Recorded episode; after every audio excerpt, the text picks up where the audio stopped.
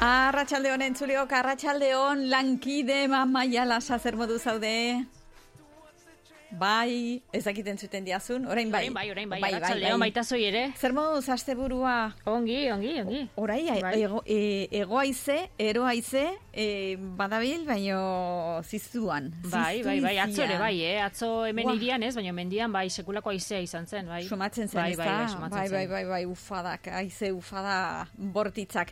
Gaur gurekin ez dago, Josu, hortxe dago, e, gaixorik dago, Josu, bizkortu, baino ez izan izan prisarik, begira, mundu guztiaren aurrean esate dizut. Zu lasai egon, sendatu, osatu, eta gero jaturriko zara lanera, ari da denbora guztian, telelanean aritu nahian, ez, zu, e, egon etxian, lasai egon, nahi baduzu entzun, noski, saioa eta gozatu, baina, baina lanik ez, orain e, tokatzen dena da, atxeden hartzea. Aizue, eta gaur bakizue segun den, bada poesiaren nazio arteko eguna. Eta horren e, karietara, ba, ekitaldi interesgarriak izanen dira gaur e, iruñean, e, gero aipatuko ditugu, baina deus baino lehen goazen e, poema batzuk aditzera ongiru itzen bazaitzue, hau ospatzeko, eguna hau ospatzeko. E, deitu diegu gure idazle, poeta, e, lagun, adiskide batzuei, eta eskatu diegu e, poema bana. Eta hau da gaur bertan bidali digutena. Azteko, Ana Jaka bi emakumeren arteko intimitatea. Lokaletik irtetzean, azkenik bakarrik kalerdian, hausartu dira. Dagoeneko ez dira gelditzeko kapaz. Ahoak elkartzen dituzten bakoitzean, auztoa garbitu behar dela oiukatzen die tipo batek. Hauteman ezin den modu batez, besarkada estutuz, larritzeri gabe begiratu zelkarri, direnean bata bestearen babes, era honetan ere intimitate nahikoa daukate.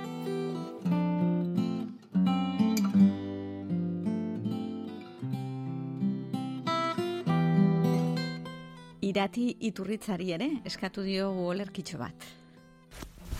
Gaur poesiaren eguna da, eta nik egun hau poeta edo idazle baino gehiago bizi dut irakurle moduan e, bueno, irakurleak ere esanaia sortzen duela esaten da.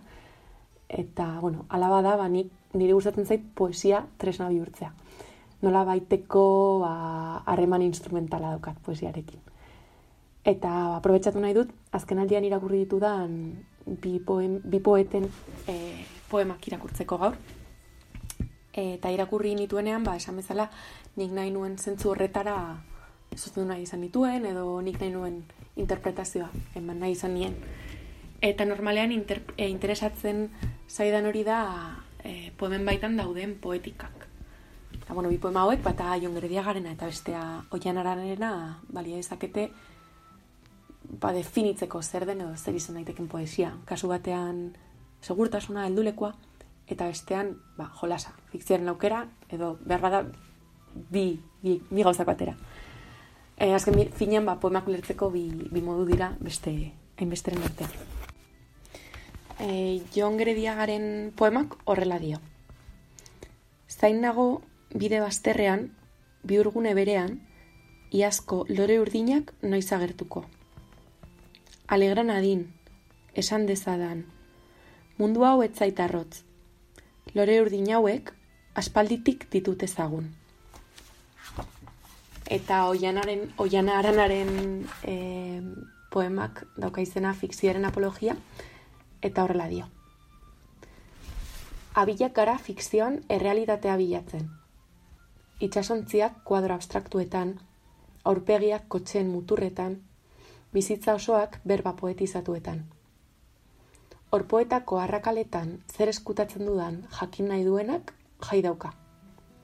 Galtzer dilodiek estalitako ubide abandonatuak ez besterik. Eta poema sorta eder honekin jarraitzeko mm, beste perla bat e, oiane zuberoa garmendiak ekarriko diguna. Arrasti honentzuleak.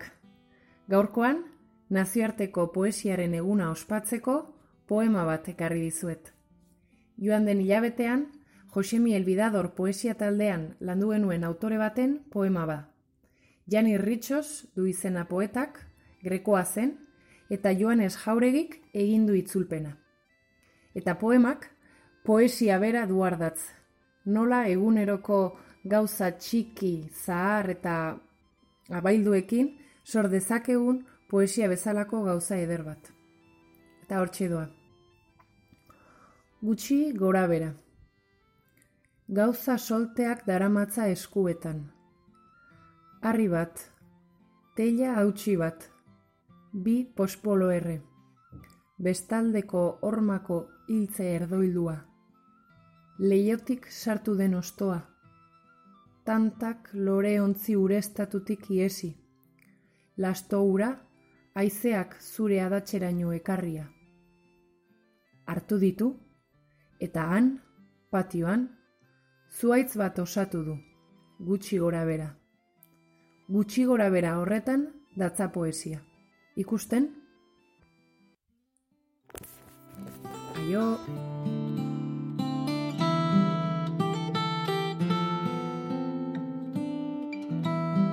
Eta beste poeta adiskide bat, eh, Castillo Suárez. Gaurre eh, gainean eh, karrikiri elkarteak antolatutako ba, ekitaldian arituko da solasean, ratxaldeko zazpiterdietatik eh, aurrera Fernando Reirekin eh, batera. Duela gutxi aurkeztu du Castillo Suárezek eh, elurra elurraren gainean izeneko liburua eta gaur eginen dute haren aurkezpena eta errez, errezitaldia esan bezala bakarrikiri elkartean eta arratsaldeko zazpi terdietatik aurrera, baina ona hemen utzi digun poema. Poetika Ez da komeni ez ankerregia ez argiegia izatea poema bat idazteko. Autoa hartzea aurrengo gunean bizitza berri bat asteko esperantzarekin. Norbere beuruaren beldur izatea, edo makurrago, beste norbait ezin izatearena. Zerua zeharkatzen duten egazkinei begira geratzea. Izeberren alde ezkutua begietan daramaten neskekin oheratzea. Itzen tiratzailea izan eta albo kalteak sortzea. Zauriak istea mina barrenean utzita. Maite izan ditugunak orain zein lur ari ote diren zapaltzen galdetzea. Sustrairi gabe errotzea. Geuk jarritako trampan harrapatuta sentitzea. Ez idatzi poema bat, espaldin baduzu aldez aurretik beste liburu batean irakurri.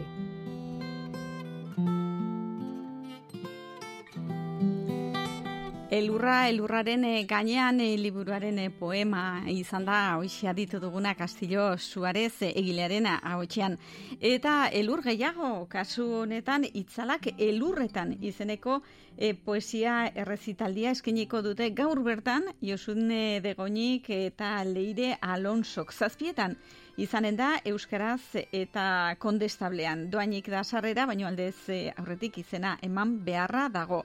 Beraz, e, hori begira ze eskaintza polita, eskaintza zabala, gaur bertan bi ekitaldi euskeraz e, poesiarekin elotuak, eta bertako egileek, emakume egileek gainera ba, egindako lanen inguruan e, solasean aritzeko.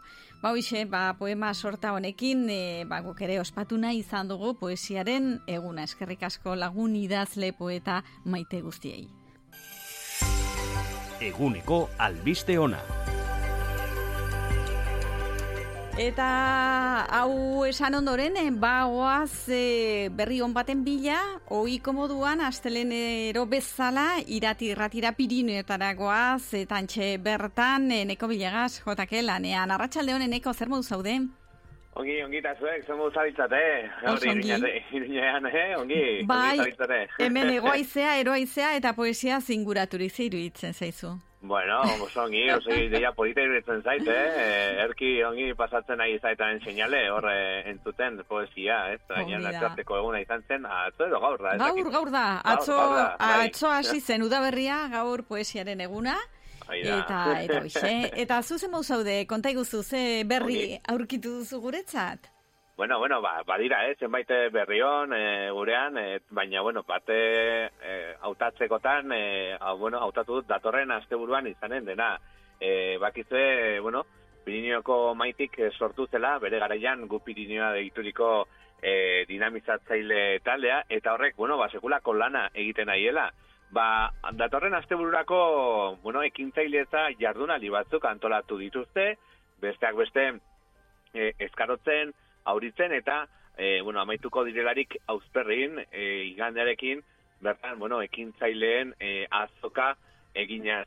Hemen, e, bueno, ba, e, ditugu, e, bertako ekintzaileak, kanpotik etorritakoak, e, bueno, euren esperientziak barrekatzen ibiliko dira, osteunetik e, igandera bitarde, eta goize, ba, bueno, jendea nahiko pozik dago e, kontu honekin, e, parte hartze nahiko e, bolita izanen dela ere gaineratu digute, biharko egunean e, izanen ditugu irati irratian ere, e, bueno, honek inguruan solazten, eta oainikan gara izabiltzate, nahi bauze, olako jardunali batzuetan e, inskripzioa burutu nahi izanez gero e, bian amaitzen baita e, inskripzioa egiteko e, EPEA, eta hortxe besteak beste, bueno, ba, izanen e, ditugu e, Arantxarregi, Jose Maria Jerdi, baina baita Mabel Cañada, e, Tete Sanz, Albarri Podas, bertako, e, bertako diren e, ekintzaileak, eta, bueno, banola den, e, Pirinioetan, e, ekintzailetza hori burutzea.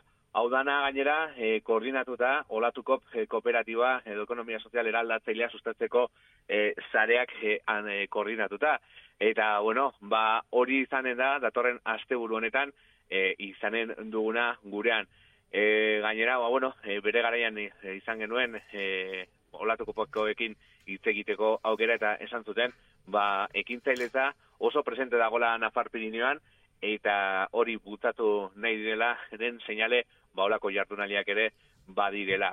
Orduan, e, bueno, ba, nahiko batzen dute, hortxe duzu hemengo berri ona, jardunali hauen e, presentzia, eta, bueno, ba, jardunaliak igual guztoko ez balin baituz, baina bai azoka, ba, hortxe izanen e, garela, e, hogeita zazpian, e, igandarekin, aurzberriko frontoian e, zenbait ekintzele, eta baita bertako e, zenbait talde ere. Orduan, hortxe, gonbitea hemen ikluzatzen dizu eguna, e, iruñerriko lagunei. Oh, songi, ba, gonbidapen honekin geldituko gara.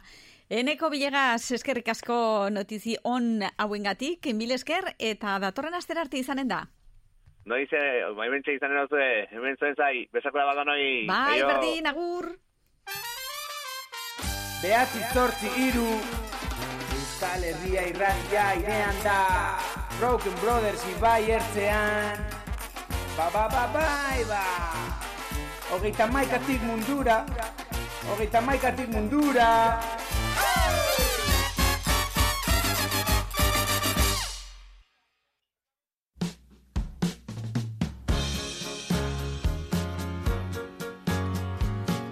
Eta bixi-bixi aurrera guaz, oantxe bertan, e, begira elkartasunerako leioa zabalduko dugu. Eta hortxe, Nafarroko gobernuz kanpoko erakundeen koordinadoraren e, izenean Iñaki Zabala izanen dugu. Arratxaldeon, Iñaki? Arratxaldeon, Reyes, hermodos. Ongi, aditzen dute oi hartzun pixka bat? Bai? Ez? Orain? Orain? Bai? Bai, muteatuko dut hemendikan hoixe, orain bai. Oso ongi, Iñaki? Vale. Bai, zer modu zaude? Ongi, ongi. Atar, atarruarekin, sukarrarekin, baina... Bai. Bueno, Otxe, tira, tira. Antigeno probarik egin duzu? Bai, egin dut, negatibo. Negatibo, zubeti negatibo. Negatibo, nunca positibo, no basanua. Bai, hori, hori. Ai, ama, bueno, zaindu, zaindu inaki. Bai, bai. Eta ongiru itzen bazaizu, ba, errepaso eginen dugu. Hemen, e, bueno, kronika e, zabala prestatu diguzu. Eta lehenbiziko kontua, uxe, Santos e, Indurain, kontxilaria, Santos Indurain ez, eh, Eduardo Santos. Eduardo Santos. Kontxellaria, udal agintariekin bildu da Ukrainako refusiatuen arreraren berri emateko eta arrera hori koordinatzeko ez da? Hori da, ba, bakizu Ukraina dago gaur egungo egoerarik larrienetariko bat. Eh? Ez dugu astu behar gauza gehiago daudela hor munduan zehar, baina bueno, honekin, ba, modu telematikoan egin zuten topaketa, eta bai Iruña, Tutera, Lizarra, Zangotza, Alsasu, Baztan, eta Nafarroko udal eta kontzejue federazioko erregidorekin ba, elkartu egin zien, ba, pixkat, gau, e, gaur, e, gaur egun daukagun, e, geho itzaingo dugu Nafarro, Nafarro mailan nola zer laguntzak ematen ditugun, da zer gauzak egiten ditugun, baina pixkat koordinatu egin behar da guztiok lagundu nahi dugu, baina pixkat koordinatu egin behar da. Ez? Orduan, ba, bueno, nik uste eh, herri bakoitzak badu bere ideiak, baina guztion artean Nafarro bezala koordinatzen bali badu, ba, asko ze hobeagoak izango dira laguntzak, eta eta hori. Eta horrei buruz e, ba, pixkat e, horrekin hitz egiten, ba, bai hor atera zan, idei bat, karo, gaur egun guk Ukraniako jendearekin izugarrizko harremana daukagu. Zen hemen e, bere garaietan eta umeak etortzen ziren, eta orduan jende asko, eta badakigu, ba, bere kotxia askotan hartuta, ba, ba ara juten nahi dia eta jendeak hartzen, ez? Orduan, e, erabaki da, ez dala hori, erabakitzen bari badute, ba, bueno, sistema badala, baino gehien bat e, gobernuarekin eta tokiko erakunderekin koordinatu egin behar dugula. Zen, geho bakoitzak, ba, ba askotan e, ez geha inefektibuak izaten nahi gendunken bezala ez? Orduan, ba, bueno, beti koordinatzeko erakunde bat edo pertsona multzo batean bardu, eta guk nahi balin badegu gauzak egin, ba, bueno, egin dezatela, baina beti koordinatzeko modu batian.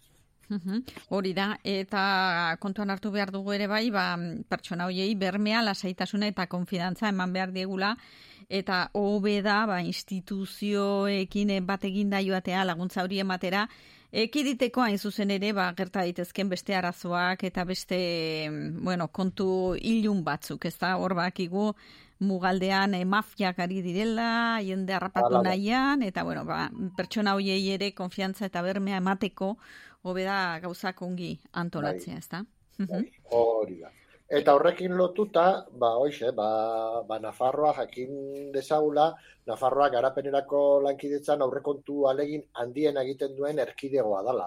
Amasei milio euro guztira dauka, 2008ko e, aurrekontu horrekin, da, bueno, horrari dira pixkat e, lantzen, nora bideratu, eta, bueno, hori ere garrantzitsua da, ez? Ba, gobernotikan ere, askotan esaten dugu ez dala gauzak egiten, da, bueno, hor ikusten dugu, ba, bai, badaola, e, zea bat, bueno, esforzo, esforzo txiki bat. Eta emakumei buruz ere, e, itzegin bar dugu, emakumeek ere esku hartze humanitarioa dute e, larrialdietan, ezta? Ba, bai, begira, gatazka guztietan, bai armatuak, bai ingurumen ondak mendietan, gai epidemietan, ba, krisi humanitarioak sortzen dira, eta gehien bat egoera ulagoan daudenak dira emakumeak eta neskatuak izaten dira ba, zergatik, ba, ba guztio dakigu, baiekiko indarkeria larriagotu egiten dala, ez, edo zen egoeretan. Eta egoera horietan oso paradogikoa da, sexu eta ugalkuta osasuna ez da kontutan hartzen. Ez, oien beharrak, emakumeen eta eta neskatxoen beharrak, ba, ba ez dira inbeste askartasuna edo edo lehentasuna ematen, ez? Orduan hori ere kontutan hartzea oso garrantzitsua da ez? Ba, berriro diogu, ba, emakumeak e, baita krisi humanitarioetan ere, ba, ba, ba, gehien sufritzen direnak izaten dira. Ba, gaur egun ikusten ari gara, ez? E, gizonezkoak hor ditu dira, eta emakumezkoak hor daude, ba, ba, ba, bai, egoera larri-larrietan. Hoi da.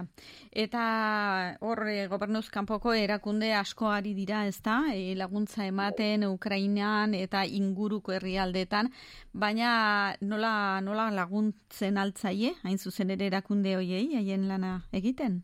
Hoi da, ba, ba hori da, nik eh, lagun askokin hitz egiten da, beti zaten dute, ez? Baina nola, nola indezakegu, ba, guazen ara, eman, eh, bueno, ba, ba, modu guztiak onak dira. Hori ere kontutan hartu behar dugu, ez? Zen batzuk eh, badakigu kotxe hartu dute, arajun dira, ekarri dute jendea. Bueno, modu guztiak onak dira, baina eh, ez dakit, eh, pertsona arruntak garenok, ba, beti aholku batzuk eh, jakitea edo entzutea ez da, ez dago gaizki, ez? Eta orduan, laupa puntu hemen, hemen esango ditut, ba, bueno, jendea ere ikusi desala ba, badaudela gauza batzuk, ez, egiteko lehendabiziko gauza, borondatea ona ez da nahikoa. Ez? E, lagundu nahi duzu edo lagundu nahi badugu, ziurtatu aukera egokien aukeratzen duzula. Ez? Badakigu, e, denetari da, la lehen oso komentatu duzu, ba, ba pixkat mafiak eta gauzak eta, ez? Ba, askotan borondate onarekin egiten dugu, baina, baina ez dugu asmatzen. Bigarren puntua izango zen, kontutan izan, krisi humanitarioan arazoak luzaroan mantenduko direla. Ez? Beti nahi dugu, eta oso tristea da, eta kasu asko daude, telebistara saltzen bali badira, arazoak existitzen dira. Telebistatikan kanpo ateatzen bali badia, ba, arazo hori desagertzen da, baina arazoa beti mantendutuko da. Orduan, ba, bueno, jakin dezagula, ba, luzarorako izango dala. Orduan, ba, bueno, guazen lasaitasunarekin egiten, ez? Ba, bueno, guain, askar diru, ez dakiz, bueno, kusiko dugu, poliki, poliki. Gero, irugarren puntua, ziur zure irian Ukraniar elkarteren badaola, seguru ezagutzen dugula. Ez baldin badugu ezagutzen, galdetzen baldin badeu, seguru bate hongo dala hor, ez? Horan, kontaktatu beraiekin, eta ezagutu, bere beharrak zeintzu dira, eta zer esaten dizuten, ez? Adibidez horrekin lotuta, ba, atzo Xabi Lunarekin hitz egin nuen, Xabi Luna da jo os lo cuento RGko eh, ba, sortzaile bat, eta Barsobian dago ba, ba berak esaten zidan, e, egun e, ez daola problemik, ez daola arazorik, ez erroparekin, ez janariarekin. Mhm. Orduan, egun, eh, badakigu, egoera hauetan, egun batetik bestera gauzak aldatzen direla. Orduan, zer da egokiena momentu honetan? Momentu honetan, ba, dirua. Dirua. Zergatik, zeren dirua bidaltzen mani madeu, han beharrak ikusita, e, ba, ba, lortzea nahi korrexa da e, itzaiten nahi naiz, e, Xabi Lunak daula Polonian. Ez? Polonian dago, eta orduan Poloniak ere itzain genuen, ratotxo bat itzain genuen, eta behak izaten zidan, e, izugarrizko e, gizartearen erantzuna, Poloniako gizartearen erantzuna izugarria izaten nahi dela. Ez? Oso, oso bitxia da. Zer, geho, bueno, beste un batean itzein godeu historia, ez? Nola Poloniak egintzun ez zibat, ba, Afganistarrak eta Siriarrak ezartzeko, mm -hmm. baina gaur egun, ba, bueno, hor dago, ez? Da hori ere garrantzitsua da eta azpimarratzekoa da. Ba, lehenagotik ere Ukrania rasko ja bizi ziren Polonian, ezta? Eta eta orain eh, noski hoiek ere ari dira haien senidekoak, haien er, erkideak, ezta? Hartzen. Hori Eta, bueno, ba, beste punture batean gozan, baina nik uste eh, hoiekin eh, garrantzitsua Primeran. Hori da, orain eh, aipatuko duguna, uxe, zuke esan bezala, ba, hainbat ikastaro izanen dira, lehenbizikoak, ba, identifikaziorako eta formulaziorako sarrera garapenerako lankidetza proiektuak. Hau zer da? Hori, Itzaundi horiek zer dira?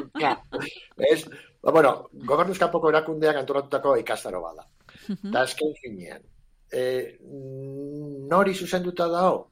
Ba, behitu, garapenerako eta lankidetzako proiektuen ba, nahi bali maezu lortu, hor, proiektua kudeatu egin behar da, proiektua dirua lortu behar da, proiektu, oza, ez da hain erresa, ez, askotan esaten dugu, egingo dut, eta orduan, ikastaro berezi bat antolatu da hortarako, ez, ba, ba jendea, e, pixkat, bueno, nuke esango profesionalizatzeko, baina bai jakitea zen mundutan mogituko garen, ez? Askotan lagundu nahi dugu, baina bueno, oso garrantzitsua da formakuntza bate eukitzia, ez? Eta ikastaroa izango da, ba, martxoaren osteguna hogeita lauta hogeita maika, apirilean ostegunak ere saspita hogeian, eta astelenea apirilako hogeita bost. Iraupena totalian, amazazpi ordu erdi, eh? eta arratzaldetan izaten da arratzaldeko lauetatik, zazpitardiak arte. Online da. Eta doakoa da. Eh? E, gertatzen da, ikastaroa da, oinarrizko ikastaroa. Geo ere, jendea jarraitu nahi bali badu, ba, ba horre gongo da, pixkat profundizatzeko aukera. Hogei plaza daude, eta irakasleak, bate batek ezagutzen bali badu, eh, nahiko oso onak dira ponente hauek, Xenia Dominguez, Font eta Ana Merino Teruel. Eh? Eta nortzuk edukiko dituzte lehentasuna, noski, ba, gobernuz kanpoko erakundetan lan egiten dutenak, eta Nafarroako lankidentza erakundetan ere parte hartzen duten pertsonek. Uh -huh.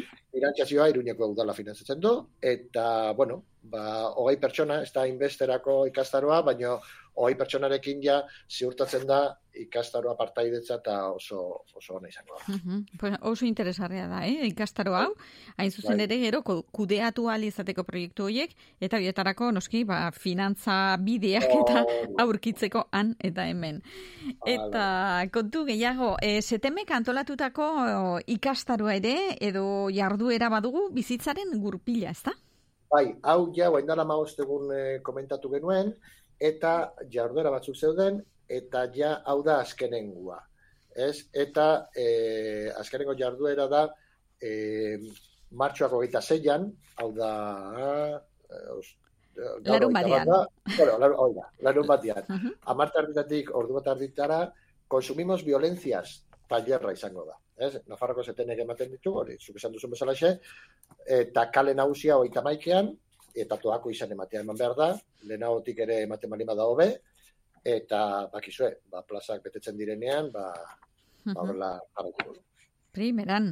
Eta erakusketa pare bat, bukatzeko, Ai, agenda? Ba, ba, nala maustegun ere egindakoa, osea, eh, ezagutze arazterakoak, dira, indarkeria ezagutzen dugu, bat, eta eus, erakusketa ibiltaria zan. Eta guain da azkenengo liburutegira aliatzen da, eta da kabanillaseko liburutegia. Eta hor, egongo da, martxoaren hogeita batetik, apirilaren bat arte. Mm? Horre aukera izango dute ikusteko, kabanitzesekoak. Eta, eta azkena, e, emakumeen etxean jarritako erakusketa bat. Hori da, hau ere, gueta lama egun esan genuen, eta jarraitzen du, hogeita maik arte. Eta hau zen e, kasetaritzako argazki proiektu bat, eta El Salvadorreko pobrezian eta gizarte basteterako egoeran dauden, ba, adineko emakumeak bizi dituzten baltintzak eh, argazkitan asaltzen dira. Hori da, en martxoaren zazpian zabaldu zuten hori, eta hilabetea bukatu arte hortxe egonen da, iruñeko emakumeen etxean ikusgai, baztertutakoak izeneko erakusketa.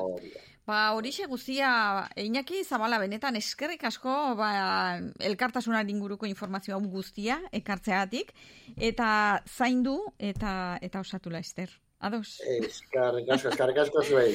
Bai, eskerrik asko eta hemendikan e, bi astetara edo beharriz geldituko gara hemen gure bai. irrintzi plaza honetan. Agur? Vale, agur. Irrintzi plaza, Euskal Herria irratian. Optika Joaquin Alforja. Kirolean aritzeko betorreko beresiak txirindularitzan, mendian, eskian edo ur kiroletan behar izan ezkero graduatuak eskatu eta kirolaz disfrutatu erosotasun osoz.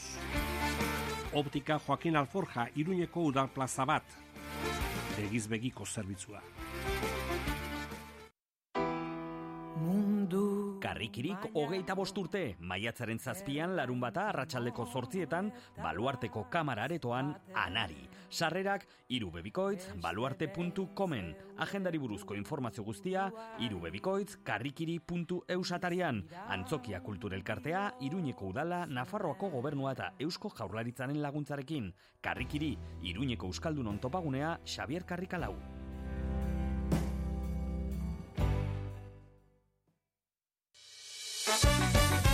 Biatz, rokodromoa, maia guztietako erronkekin ornituriko bulder instalazio zabalak, kirol eskaladan aritzeko lekua, zailtasun ezberdineko bide eta makurdura aldakorrekin.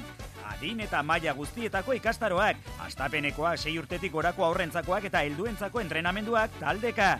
Informazio guztia, biatz.com webunean eta sare sozialetan. Biatz rokodromoa, landabengo industrialdean gaude.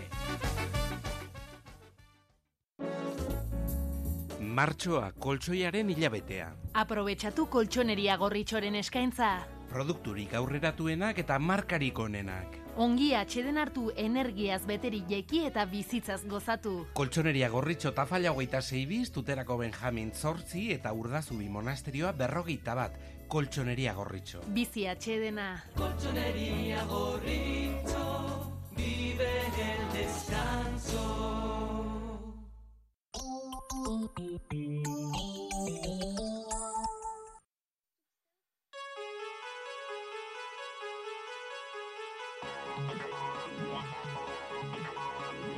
Zulotik atera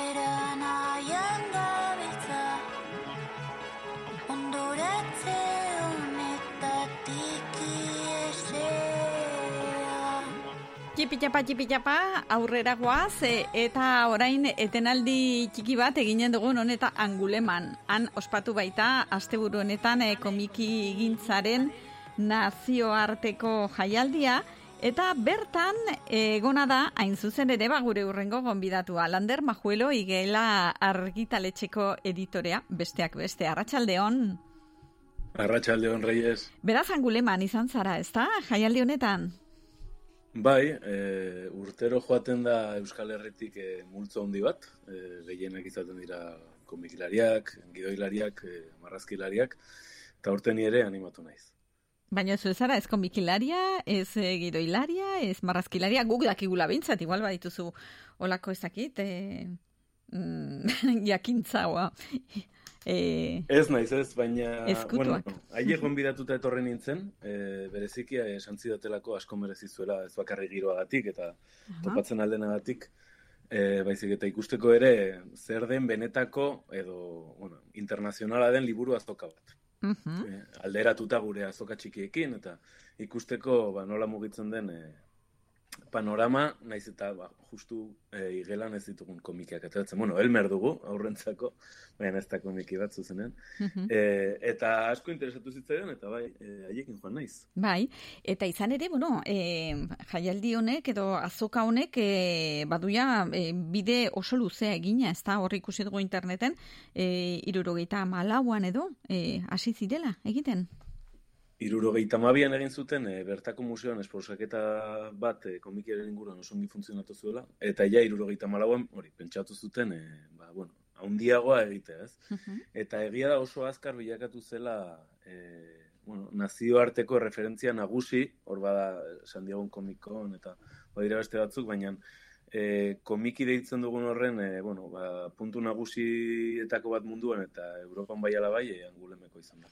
Eta horren gainean eraiki dute pixka bat e, iriaren e, industriaren zati bat. Orduan orain hor dago ba, beste museo bat dago ere bai, e, eskolak daude, e, arte eskolak eta bar, paperaren museoa, bueno, e, industria oso bat, non adibidez, ba urtean zehar ere dozenak eta dozenak ikaslek e, bidea egiten duten, inoiz izateko ba, azokara datozen e, izarren parekoak edo. Begira, angulema komikiaren iria, beraz.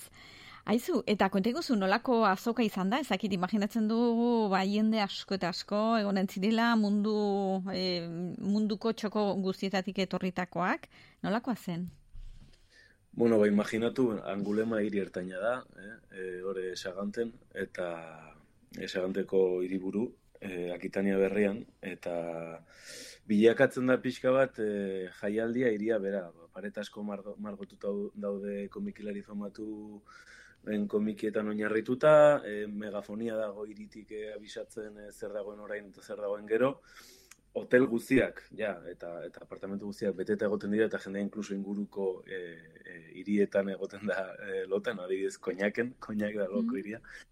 Eta gero, ba, badituzu azoka ezberdinak, orduan, dagoen bezala, benetan erraldoia den azoka ofiziala, eta alboan daukala ja pabelloi bat bakarrik editorek, e, komikilariekin e, tratuak egiteko eta gero daude beste sekzio erraldoi batzuk, eh, ba, sekzio alternatibo bat, e, mundu mailako jendea edo datorren beste bat, aurten bat zegoen manga city deituriko e, azoka erraldoi bat ere bai, eta horret, horietaz aparte, ba, alternatiboaren alternatiboa, e, elkarte txikiek egiten dituzten esposaketak, e, etxe okuperantzekoek egiten dituzten e, jai eta eta esposaketa txikiak, eta bar, ez? Fanzine e, e, erakuste, erakusketak eta eta denetarik. Orduan, bai dela, naiz eta mundu mailako bueno, jaialdi bat izan, oraindik ere, nahiko herrikoia zentzu horretan. Mm Mhm. kabida dago ez bakarrik erraldoiak diren argitaletxentzat, baizik eta mota askotako eh, artista marrazkilari eta komikilarintzat. Mhm, Ze polita. Eta Euskal Herritik e, nor joan da? Ze hemen ere bat ditugu noski, ba, ilustratzaile, komikilari, komikigile asko, eta onak.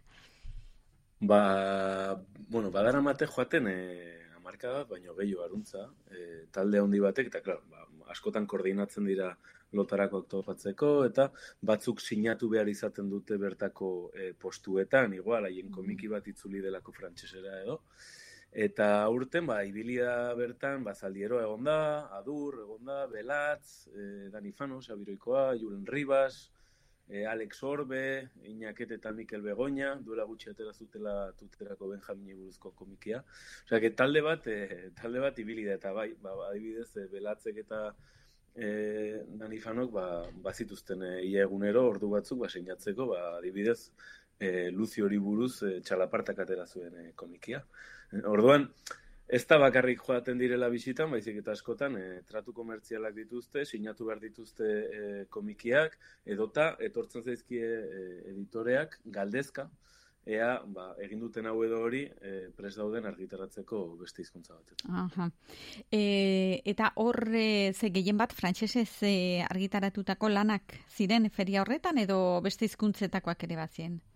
Bai, e, gaina frantziar kulturan sekulako mm. respetu jo komikiari, eta badago tradizio hundi hundi bat e, oso komiki mota ezberdinak e, irakurri gozatu eta konsumitzeko.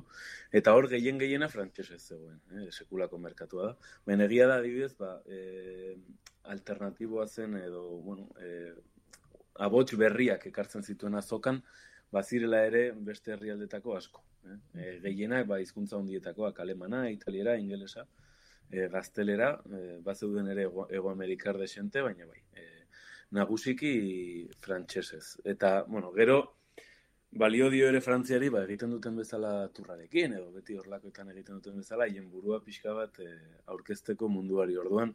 Izaten dituzte, azokaz aparte ere, esposaketak, e, ba, e, komikiaren historian garrantzitsuak izan diren autorei buruzkoak eta eta aurten adibidez bat bai bat e, Shigeru Mizuki e, kanpotar bati buruz baina beste biak Christoph Plain eta bereziki Gostini e, Asterisen Gostiniri buruzkoak ziren.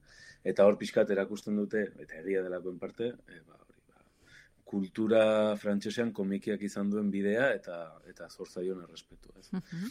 E, igual lehen ez dut azaldu eta ulertzeko zer esan nahi duen komikilaria joaten direlara, euskal komikilariak komikiak sinatzera, Guz gaude hemen oituta eta durango ez da egiten, ea, inoiz eh, egiten dugun, baina han benetan eh, jartzen zaizkie eh, marrasteko mailak eh, egilei, autorei, marrazkilariei, eh, argitaletxearen postuaren alboan, eta hor egoten dira orduak, eh, komikiak sinatzen, komiki bat sinatzak esan nahi du egiten dizutela normalean eh, marrazki jatorrizko bat, jatorrizko marrazki bat, ez? Orduan, jende asko korrika joaten da, eta egoten da egiten e, e, ilara itxoiter, eta e, izugarri dalako haientzat igual, ba, benetan maite duten autore baten komikia erosi, eta gainera benetan originala bakarrik haientzat izango den marrazki bat izatea lehenengo horrian. Eta, bueno, hemen ez dugu horren ohiturarik saiatu dira batzuk eramaten hori durangora, e, naiz eta durangoko, bueno, estandak nahiko karratuak izaten diren, igual ez dago lako inbestutukirik eta, baina mereziko luke inoiz e, gurera hau etorriko balitz, ba, aukera izatea e, horretarako. Ez, ez bakarrik zuk etxera e, irudi bat ekartzeko, baizik eta, bueno, ba, aitortzen diolako komikiari, sekulako balio literarioa, beste batzutan igual, batzuk jakin gabe edo, aitortzen ez diotena, eta bereziki autorei, eh? gidoilariari eta marrazkilari. Orduan ea, ez dakit, urrengo durango, nire bi iru durangora, joan gaitezken, eta, ba, ez dakit, ba, dibidez eh, adurrek edo zaldieroak edo eh, aspik egin duen eh, eh, komiki bat erosi, eta haien, haien jatorrizko, bueno, e, unean egindako irudi bat eh, lortzea dugun. Oso ideia polita da, baina egileekin hitz egin duzu honetaz, ez hori nekagarri izanen da jentzat ikaragarri, eh? Bai, baina, bueno, bi alde ditu, bai, baina pozik joaten ziren, eta haiek esatzen zuten sekulako subidoia zela ara joatea. E, benetan, egile bezala aitortzen dituzten, e, bueno, puntu gorena delako. Baina oso interesgarria da, duela bi urte edo protesto handi bat egin zutela e, autoreek, nik uste azken edizioan, ze horreko urtean ezen egon uste dute, edo ez horre, uste dute zela e, egon e, e, pandemiagatik, kobratzea, e, e, lan ordu gisa hor zeuden ordu horiek, eta uste dut hori lortu dela. Ah. E, bueno, hor lortu dute Frantziako gobernuak, sindikatuak eta argitaletxek tratu bat, eta eta eginen dela. Ez? Baina, bueno, beste adibide bat gehiago, e, nola tratatzen direnan adibidez, e, autore eta marrazkilariak. Ez? Batzutan astutzen zaigula marrazkilariaren figura eta fondoan da komiki egiten egiten duena. Ba, oso interesgarria, ez da, angulemako azoka hori ikusteko gainera, ba, ze osasun ona duen komikiak, ez da, hola orokorrean. Agian hem- hemen ez da gehiegi ikusten edo ez da gehiegi ezagutzen, baina mundu mailan badu pisu handia eta bueno, oso, oso gauza interesgarriak egiten dira. Beraz, e, imaginatzen eh, dugu gozatuko zenuela, ezakit gauza asko edo gutxi ekarri duzun motxilan, zeo zer bai, ez? Seguro. Ba, zeo zer bai, baina ez asko, ze komikia garestiak izaten dira. Bai. E, ni oituan nengoen beti gaztetxotan e, liburutegitik hartzen. Mhm. e, ze egia da, ba, bueno, behin irakurrita ez bazara, ez, olako forofo bat, eta ni bereziki ez naiz e, komikien zoro bat, ba, azkar amaitzen zitzaizkidala eta gero berriro nituela irakurtzen, orduan. Nik e, liburutegian hartu izan ditut. Baina bai, ekarri ditut bizpairu gauza. Oso, gi, primeran. Ba, Lander Majuelo, benetan eskerrik asko kronika honengatik eta erakusteagatik nolakoa den angolumako e, komiki azoka barrutik. Mil esker eta hurrengora arte izanen da. Mi esker zuei. Agur. Denok, eman bide Euskal Herria irratiare! Euskal Herria irratia. Inkestagile galdetzen badizute, esan ozenki, Euskal Herria irratia entzuten dut eta arronago. Egin dezazun bidea. Elizondo Malkorra gozotegia. Malkorraren urrakin eginaren eskutik, baztango kronika, Euskal Herria irratian. Elizondon Malkorra gozotegia. Gurera bisitan etorrita, eskatu gure berezitasuna. Urrakin egina. Malkorra, ia eun urteko tradizioa. Edabideen plaza, tokian tokiko plaza. Belatez bestaldera joanen gara esan bezala xorrosin irratiko lagunekin e, hitz egitera gurekin astelenero txintxo txintxo bezala ba Julen Zelaiet arratsaldeon Julen Arratxaldeon entzule zeimuz gaude. Tira, hemen txagaude, eh? bertze astelen batez, ba, bastan bidasoko kronika eskentzeko pres.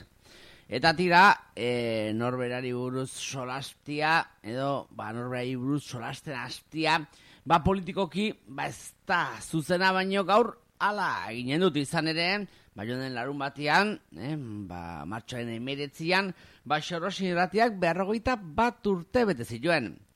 Kontua da, bueno, urtero, edo, azken urtetan ez, binon, e, antzinetik, COVID antzinetik urtero, ba, gure oiko kolaboratzaileekin, ba, otordu bat egiten dugula, eta, bueno, antzinekotan udazken neguan egiten baldin bazen ere, ba, ipatuko dugu aurten, bueno, martxoen emeretzia larun bata izaki, ba, larun batean ospatu genitula berrogeita bat urteak, eta nola, bueno, ba, gure kolaboratzaileekin, ba, bazkari eder bat eginez.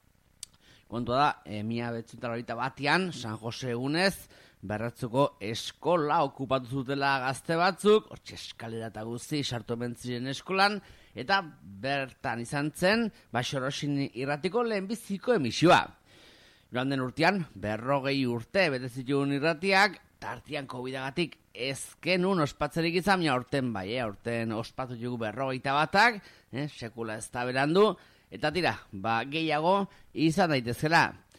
Bertzalde, bueno, e, ez da bateko bakarrik izan, asteburu gontan eskualdian izan duguna, izan ere, bueno, ba, korrika kulturalaz gozatzeko aukera izan dugu, zugarra murdin, tartian korrika bestare egintzen baztanen, gozategi kontzertu eskin zuen larun batean lurren, eta hau ere aipatzekoa da, izan ere, bueno, irudi batzuk ikusi dugu, eta COVID antzineko irudiak ziren, eh? ba, lurreko pista jendez betia, giro ederra eta, bueno, ba, posteko irudiak.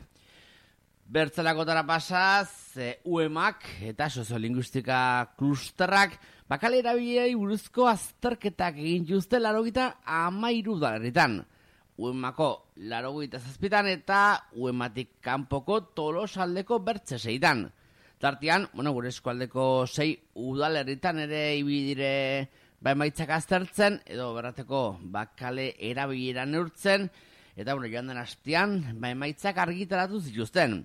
Dira, gure eskualdari daokenez, arantza da, ba emaitzarik onena eman duen herria.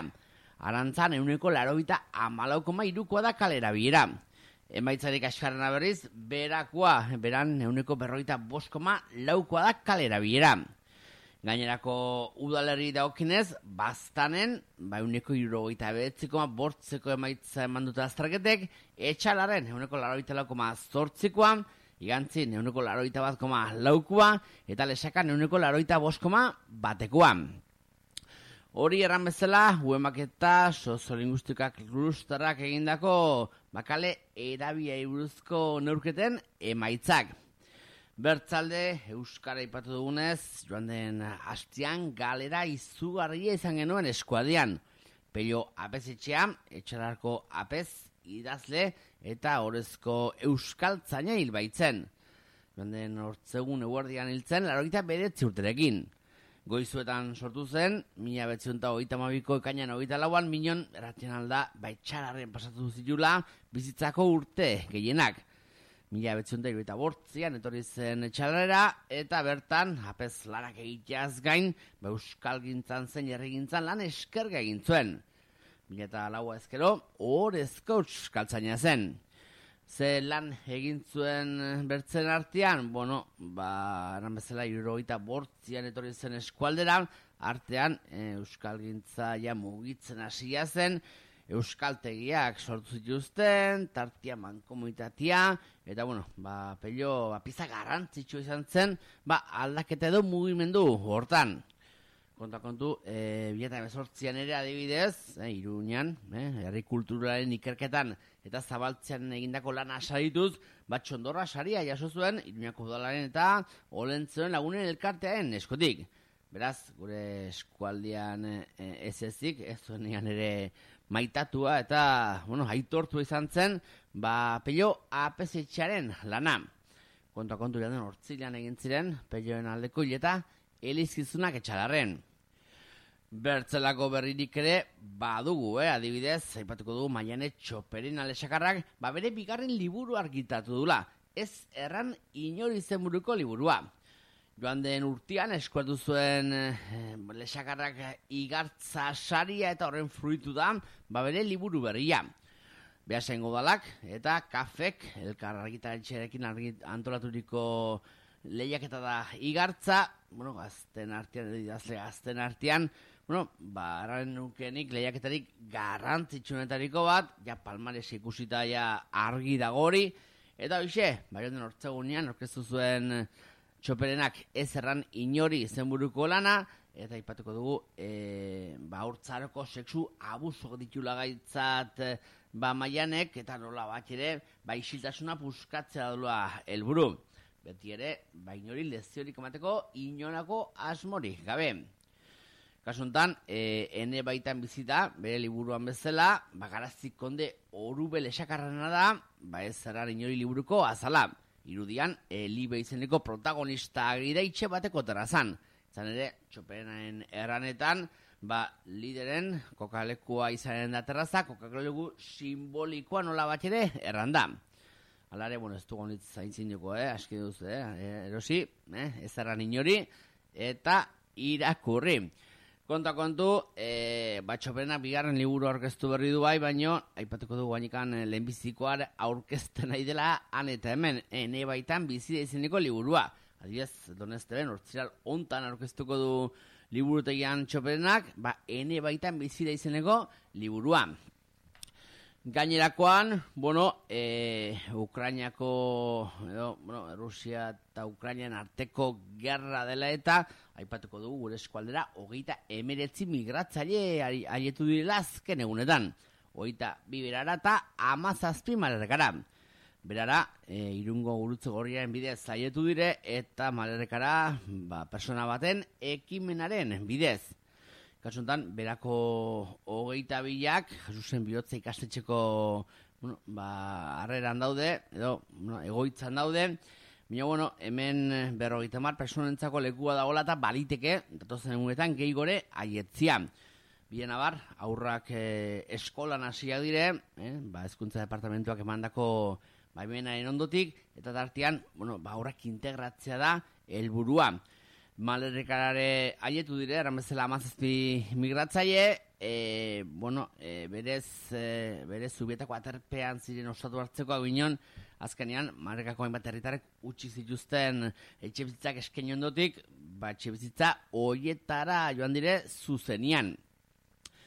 Eta alaxe ba, bukatzen joateko asteburuari behire harriko gara izan ere asteburua gure betia dugu, eh? eta tartian zerbait aipatzegatik aipatuko dut eh, ernai gazterakundeak antolaturik, bosteun eta zutik ekimenaren ariran, marrekako gaztik, independentzia lopean, egun esoko jardunaldi bat eginen dela larumatan, eta on don esteben. Tartean, bueno, baitzaldiak, herri kirolak, bazkaria, bertsolariak, kontzertuak denetik izanen da lerun bat ontan donesteben, eta bueno, aipatuko eta didez, Andoni Olariaga izanen dela izlaria, e, Bitori Elizalde eta Iker Gorostarazu izango dira bazkalondotik bertsolariak, eta, bueno, akitzeko, e, diraki sofokaus eta erdoil taldeak hariko dira kontzertuan, eta bestakitzeko DJ Bullen eskutik musika izanen dela. E, kontzertuetako atiak arratxeko bedeztan irekiko juzte eta arran kontzertuak badonestebeko ba, eskura pilotalekoan izanen direla. Eta, ba hola xe, bestelako kontu gehi bada, asko aldean, aste burontan, baino, aurre luzatu nahi zenez, hor, txutziko dut, aste ontako kronika. Urrengo astean kontu gehi horrekin entzuliko naiz, beraz, urrengo astera arte. Entzule! Euskal Herria irratian, irrintzi plaza.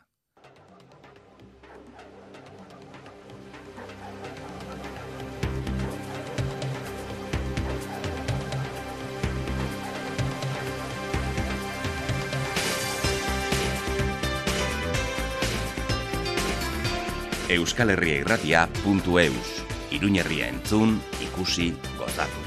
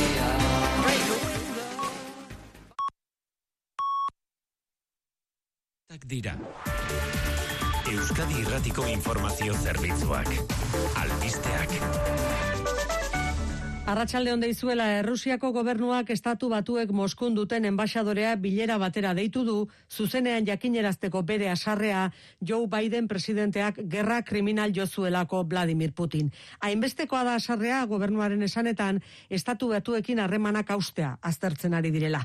Bitartean Moskuko epaitegi batek debekatu egin ditu Facebook eta Instagram uste duelako hauen atzean dagoen enpresa meta muturrekoa dela. Debekua berehala izango da indarrean, alere hilaren lautik Facebook eta amalautik Instagram debekatuak zeuden Errusian. Madrilen garraiolarien grebarekin bat egiten ez duten garraiolari elkartek bilduta jarraitzen dute gobernuarekin. Goizean lau orduz elkartu dira, aurrera urratsik egin gabe, garraiolariek frakaso hutsa jo dute bilera, eta arratsaldeko bileran urratsik egiten ez badute, ez dute grebara batzea baztertzen.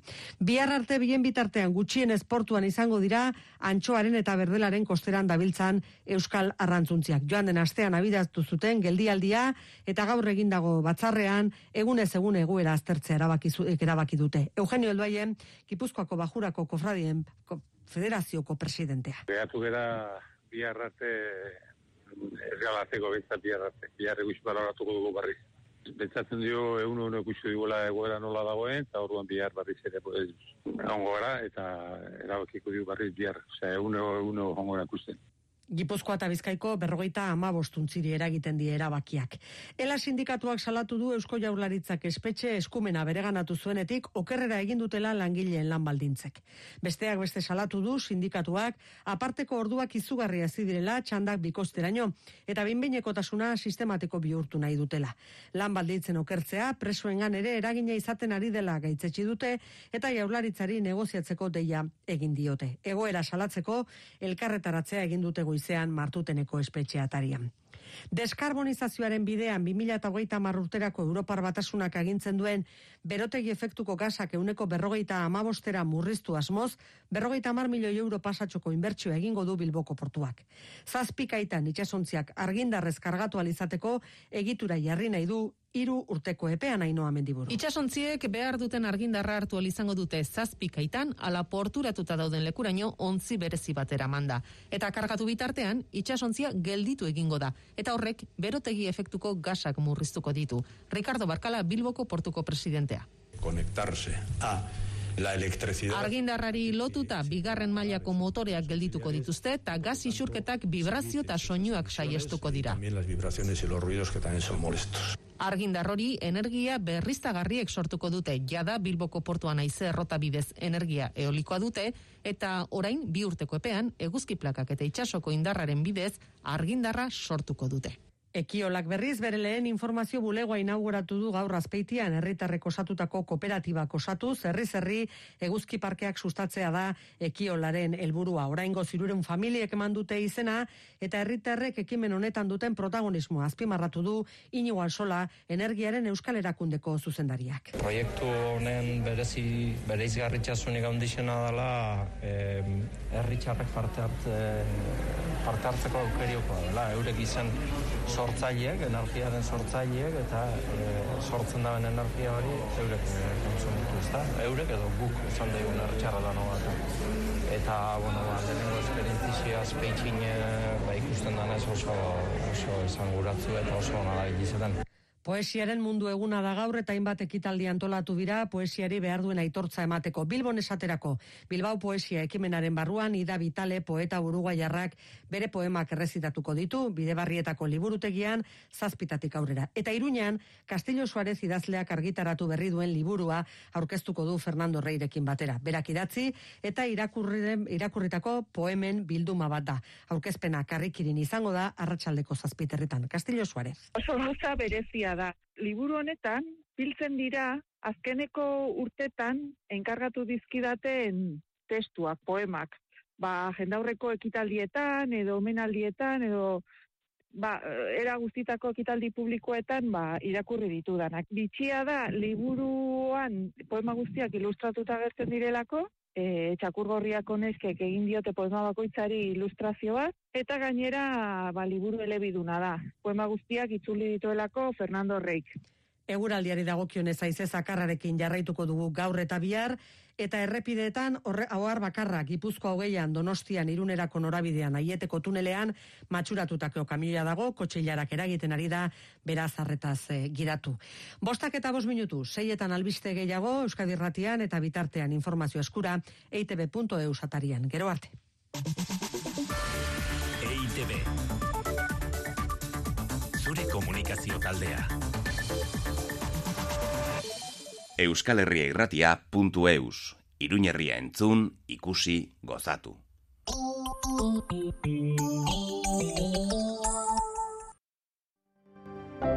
Gero eta gertuago gaude rural kutxan. Garrantzitsua da elkarrekin azten eta aurrera egiten jarraitzea, amets egiteari ez usteko, betikoak izaten jarraitzen dugu. Horregatik, gertu egotea gustatzen zaigu. Beti.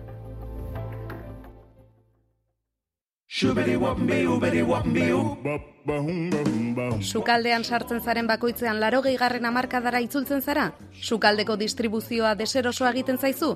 Bisagrak eta tiraderak gaizki dabiltza?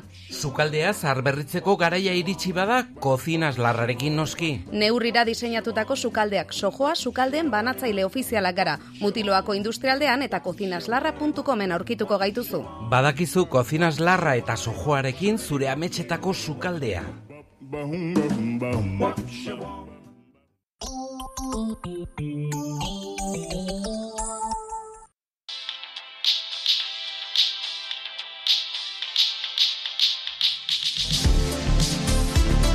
Arratxaldeon berriro entzuleok, aurrera saituko dugu hemen gure irrintzi plaza saio honetan, segituan sukaldean sartuko gara, edorta Salvadorrekin, eta ezagutuko dugu nola ospatzen ari diren elujarren haien berroita margarren urte urrena. Baina deus baino lehen, gure gaurko irrintzilariari emanen diogu pasu, gaur gurekin, maialen sobrino. Egun bakarra onartu digute urtean aldarrikapen ausartak eta indarraldi erakustaldeak egiteko. Eta nik konfesatu behar dut preziski egun honetan joera dudala atze guardiarako. Gainerako egunetan ez bezala. Hau da, kaleak hartzea bai, pankartetako leloetan irudimena zorroztea ere bai, baina egunerokotasunean mimetizatzen diren kenju txikiak, hoiek bai baietz. Adibidez, miriesmena ezetz erraten duenari, baina ez ezezko aseptikoietako bat. Ez mi esker, baizik eta maite duen norbait mindu dezaken hoietakoa. Ezin duzu hemen egon, edo zuk ez. Laudatuko ditut alegintzen direnak eginak erranekin parekatzen. Izan ere, bidea da borroka bakarra. Hori ere irakasten digute egunero bizitzaren lubakietatik. Eda duraz beraz, gaur gorazarrek goizeko kafearen azken urrupan behingoan zalantza izpi bat onartu duenari. Ni feminista?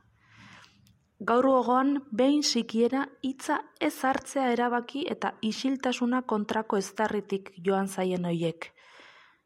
Egun honek ekarriko ote du zerrenda bat egin eta akitu eitzin norbaitek emakumeak falta direla ezerratea. Tamalez, hitzetara ekartzerako ez deusak diruditen garaipenok behar ditugu oraindik ere. Hortaz, kontra egiten jarraitu behar dugu bai, baina ez dezagun energia guztia horretan xagutu. Indar pilaketa are handiagoa ezin bertzeko zaigu behar dugunaren alde egiteko. Hots, irautea garaitu bizi alizateko.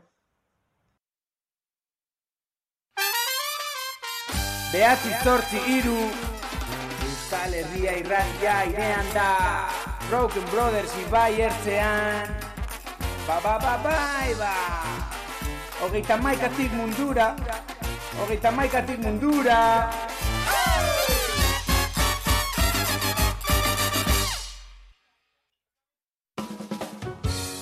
Bodegas Leire taberna jatetxea, betiko sukaldaritza tradizionala, etxeko berezitasuna, eizakiak, gastronomia bikaina eta ardori goxoenak.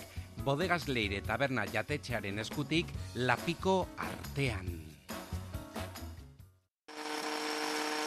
Lapikoen artean.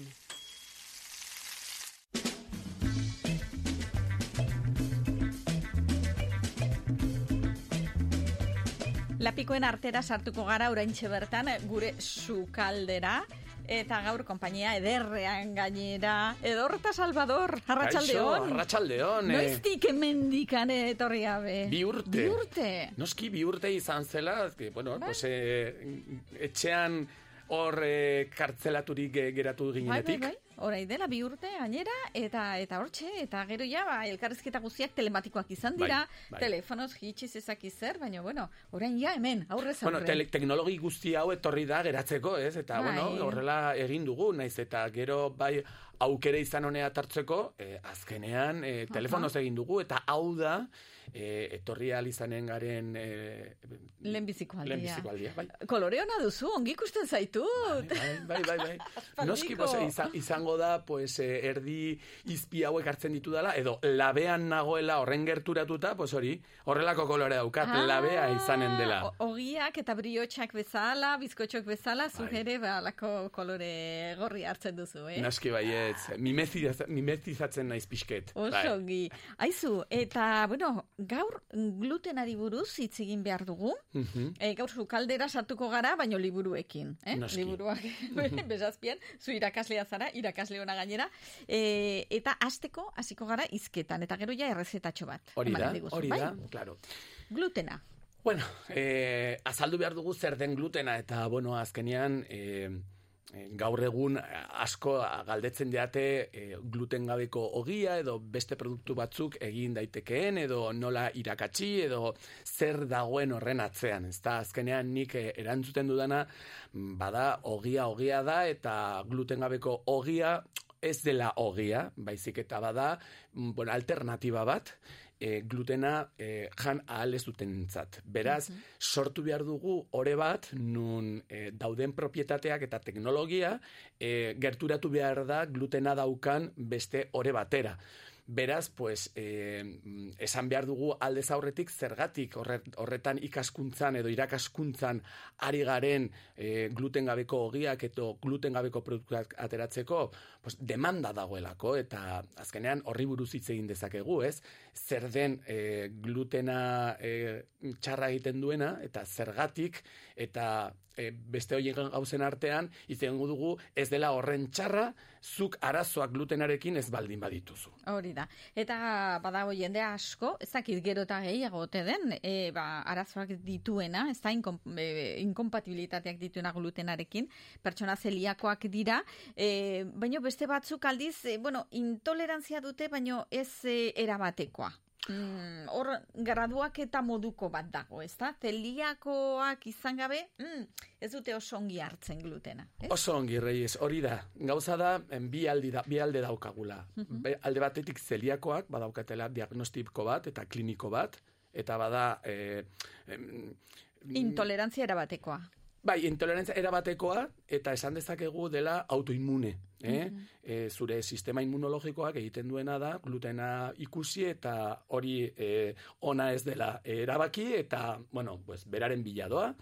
Eta beraz, horrek egiten du, e, eragiten duena da, pues, e, metabolismoa edo absorbitzen ditugun nutriente guzti horiek, pues, horren zelulak pues, e, apurtzea edo izorratzea. Ez? Eta hori da zeliakia diagnostiko bat dauka. Eta gero intolerantziak badaude erabate askotako intolerantziak. Beraz dago aman komuneko diagnostiko edo kliniko bat. Eta batzuei, pues bada, azalean gorri, gorria ateratzen zaiela, beste batzuk e, tripa hunditzen zaiela, eta horrelako ezberdintasunak edo bestela areatak, eta gauza asko daude glutenarekin asoziatuta. Eta gainera, gaur, e, pues, celebrity pilo bat, ateratzen ari dira, pues, gluten gabeko errezetak ateratzen eta glutena utzi zuenetik askoz ere e, alaiagoak direla eta horrelako mezu faltsuak ematen. Zen azkenean e, ez da horren besterako eta gainera batzutan e, hartu behar dugu e, edozein tokira eta gaian azkenean esaten baldin badugu jo, pues, glutena izango da. Pues, glutena da erruduna eta nik kentzen baldin badut, pum, placebo edo nocebo e, sintoma bezala. Edo besterik gabe, hogi gutxiago jaten duzula, eta horregatik igual arinago. Eta gainera normalean eh, norbaitek glutena kentzen baldin badu, nor, normalean eh, eh, badago elkartuta dieta batekin. Hau da, glutena kenduko dut, baina baita eh, vegetable gehiago eh, jango ditut, eta azkenean egiten du bere dietaren aldaketa sakon bat. Eta ez da bakarrik glutenarekin, eta azkenean glutena ba, ba, badirudi dela erruduna az, le- leku askoetan. Baina gauza da, zeliakoak bakarrik eh, munduan 0,7, eguneko 0,7 dira, oso gutxi da. Eta beraz, e, bai, e, pertsona hoiek merezi dute, no, eta bestek ere bai, jo, intolerantzia daukatenak, baina honekin kontu zibili behar gara. Eta gauza da, pues, e, horrei beste produktu batzuk atera ditzakegu, eta nola egiten ditugu produktu hoiek, pues, pentsatzen, zer eragiten dion glutena masari, oreari, eta beste e, produktu batzuk aurkitzen. Eta hemen, abidez, bauka, badaukagu fibrasilium, badela fibra bat ateratzen dela landare batetik eta horrek ba, e, e, hartzen du zurgatzen du ur pilo bat eta flan bat edo nola erreten itzen du ura. E, gero ere, e, Santana erabili dezakegu, zikener edo loditzaile bat bezala, horrek, Santana erabiltzen da asko e, txinatar, e, merkeak diren txinatar e, jatetxe hoietan bakizu ikusten zut saltza oso gor, gordina dela, bueno, gordina edo e, badela pizkat e, Bai, testura, testura go- lodia duena. daukala, bai, hori, bai, bai. horrek normalean badauka Santana, eta Mhm. adibidez, e, e, grasa gabeko 0%, eguneko 0% gila daukan jogur batzuk kremoso Bai. itxura ikusteko era santana botatzen zaio, eta horrelako e, produktuak erabiltzen da horrelako tekstura ikusteko, ez? Eta Mhm. tekstura hori ogian ikusi egin da e, ura erretenitzen duela eta berez horrek izan daiteke eman diezaioke e, glutenak oreari ematen dion biskolastizitate hori. Eta orduan, pues, hortan gaude pizkat ikertzen, eta bueno, ni ja nire errezetak dauzkat. Ah, bai, Santa, Santanarekin. Santanarekin, Ah, hori da. aha, aha. Berez, a ber, Santana oso erreza da erostea, online bidez eras, erosi dezakezue. E, gero, beste produktu bat dago, ez dela horren beste ezaguna, baino nere baliogarria dela, deitzen dela HPMC, vale? Bada akronimo bat e, hidroxipropil metilzelulosaren akronimoa, berez? Erosi dezakezue ere HPMC edo Santana. Bai, ematen du droga bat erosten ari zarela, kasiko be Santanaren. Santana musikalia eta bestea droga, bai, bai, eh? do Santa Ana. Bai, bai, bai, bai, bai, pixkat. Da, bai. da, pues hori. Ja- jarri behar dizkiote komertzialak diren izenak bertzela, eh? Ai, ama, ai, ama. Eta e, noski hori erabili, baino aldi berean e, irina beharko duzu. Eta Noski. irinak, ba, hartu irina, edo, bueno, normalean hartu irina edo arroz irina, Bai, erabiltzen dira. nik erabiltzen dudana bada e, arroza irina. Eta nahasketa bat egiten dut arroza irina eta e, maizena. Hori da, hartu irina, azken finean. Hori- da, hartu irina dela maizena, baina bakarrik proteina ez dauka. Eta, bueno, gero botatzen diote protein pixka bat, eh? Ozen, karo, e, maizenak ez dauka proteinerik, eta proteinak, e, naiz eta nutriente bat izatea ere, teknologia aldetik, orean, egiten du bere funtzioak. Beraz, komplementatu behar duzu, pues, e, e, esne pixka batekin, badaukala proteina, kaseinak, eta bar, eta botatzen baldin badiozu adibidez e, gelatina pixka bat, edo bota dezakezu albumina, e, arraultzan, berez, e, e, ez, froga ezberdinak daude. Eta nik ekarri dudan e, gaur, e, e, ekarri dudan errezeta, pues brioche horrelako bat dauk, eta esnea, gurina, Mhm. badauka erraultzak, eta horrek ematen dio, pues bere, bere Mhm. jugo, bai. Behin tokatu zitzaidan egitea, bizkotxo bat, e, ezakite aurren gelarako, e, urtebetetze baterako edo, e, hori, e, glutenik gabe, laktosarik gabe, arrautzi gabe, frutole horri gabe, eta ezakize gehiago gabe. E, hori, alergikoak ze, zeudelako, edo intolerantziak zituzten aurrak zeudelako gela horretan. Eta nik esan nuen, ai ama, eta zerekin egiten dut nik, orain bizkotxo bat, plastikoarekin. bueno, bueno, bueno. Zaila da, zaila Bai, da. zaila. Zaila da, azken finean, pues, eh, egin dezakezuna, no, batek norberek ez du izango gu, alergia guztia. Hori da, baino gela batean denetikan. denetikan dago, eta orduan guzti hori ez daukadan bizkotxo bat, pues, eh, izotza. Bai, edo mandarinak guzientzat eta listo, ez? Baina, bueno, Hori da, mandan- Egin nuen, eh? Egin nuen. Hori da, noski bai, bai, baietz, bai, bai. Hoixe. Eta, beraz, e, zer, eginen dugu ja zure errezeta? Itxaron, itzagon, bai. hitz egin behar dut eh, nik erabiltzen dudan arroz irinari buruz. Bai. Beri, eh, gero ere, karo, badaude arrozak eta arrozak. Mhm. Hemen badakigu gainera oso garrantzitsua da paella bat egiteko arroza edo risotto bat egiteko arroza ezberdinak direla. Mhm. Ezta? Bueno, pues badago arroz mota bat, bada eh, motxiak eta eh, sushia egiteko, eta varietate horrek oso eh, elastikoa da, eh? Mhm. bada glutinoso esaten dana. Ez? E, pues, e, mota hau, arroz varietate honen irina oso ona e, da, e, pues, e, bizkotxo bat, bueno, edo brioche bat, kasu honetan, edo Mhm. gaur ekarri dudan errezeta erabiltzeko. Eta arroz hau adibidez ezagut, edo irin hau, arroz irin hau erosi dezakezue e, txinatar dendetan, Mhm. berez eurek erabiltzen dutelako motxiak egiteko Aha. japoniarrak eta horrelako e, asiatikoak diren postreak. Primeran, primeran. Beraz, arroz horren irinarekin Bai, eginen dugu. eta erdi bana egiten du arroz irin horrekin, gero almidoia edo maizena esatekoa, Mhm. eta gero esnea, arraultza, eta barre, hemen dauzkat Primeran. kantitateak, eta prozesua hemen Mhm. esango dugu. Espero dut, hemendik ongi ateratzea. Berez gainera, aromazit, aromatizatzen baldin badugu errezeta hau, azahar pixka batekin, Mhm. ja badaukagu e, e, o- opila. Bat, opila, bai, gainera izango genezake errege opila, ematen ziolako, eta gainera azkenean errege opila briots bat da. Eh, Borobila den briots bat da, eta berez gaur ekarri dudan gluten gabeko errezeta briotsa da, eta pizkat aromatizatzen baldin badugu, lortuko dugu horrelako... Primeran. eh, bai, ja, lortuko dugu horrelako eh, opila, pues, erregetan guztiok jana ahal izateko. Aha, ze desberdintasun dago briots bat eta bizkotxo baten aurrean? Beitu, em, Briots oso polita gelditzen da eta oso erakargarri, baino zer da, bizkotxo bat azken finean? Ez, ez, ez, ez, bada masa bat orea da. Aha. Bada glutena daukana eta glutena masa doan, briotxo normala, ez gluten Bai. gabekoa. Eh? Aldatu behar dugu pixkat. Gauza da, e, briotxa egiten da ore bat bezala. E, ogia bezalako ore bat. E, egiten da bere e, amasadoa eta bar. Eta bizkotxoa ez da hori. Bizkotxa da... E, nola baita esan da, sufle bat, arraultzez egiten duzuna eta irinez egiten duzuna. Eta ez da berdina, e, bere garapena labean eta bar ez da berdina zen. Briotxa, osea, bizkotxoa egiten dugunean, badaukagu molde batetan oso likidoa den masa bat. Horrek badauka arraultzak eta labean sartzen dugunean zegertatzen da. Irinaren gelatinizazioa edo almidoiaren gelatinizazioa eta gero beste aldetik arraultzaren koagulazioa. Mhm. Eta briotxean badaukagu mm, glutenaren garapena, e, airearen sarpena eta bolioa bat izatea. Aha, hori da. Eta nola eginen dugu hori glutenik gabe? Claro, nola egiten du, Santanarekin. Santana. bai, Santanarekin egingo genezake, eta bueno, pues, e, jaitze egin dugu iaia gutxi gora bera e, kopuru edo osagai guztietatik, eta orduan hemen daukat errezeta. Primeran. Eh? Bueno, ere, e, izango ditugu irin bosteun gramo. Eta bosteun gramo horiek izango dira, erdi, irina, e, e, arroz glutiniko irin hori, gero bertzea izango da e, maizena, daukagu bosteunak, berreunda berrogeita mar eta berreunda berrogeita mar. Eunda hogeita bost esne.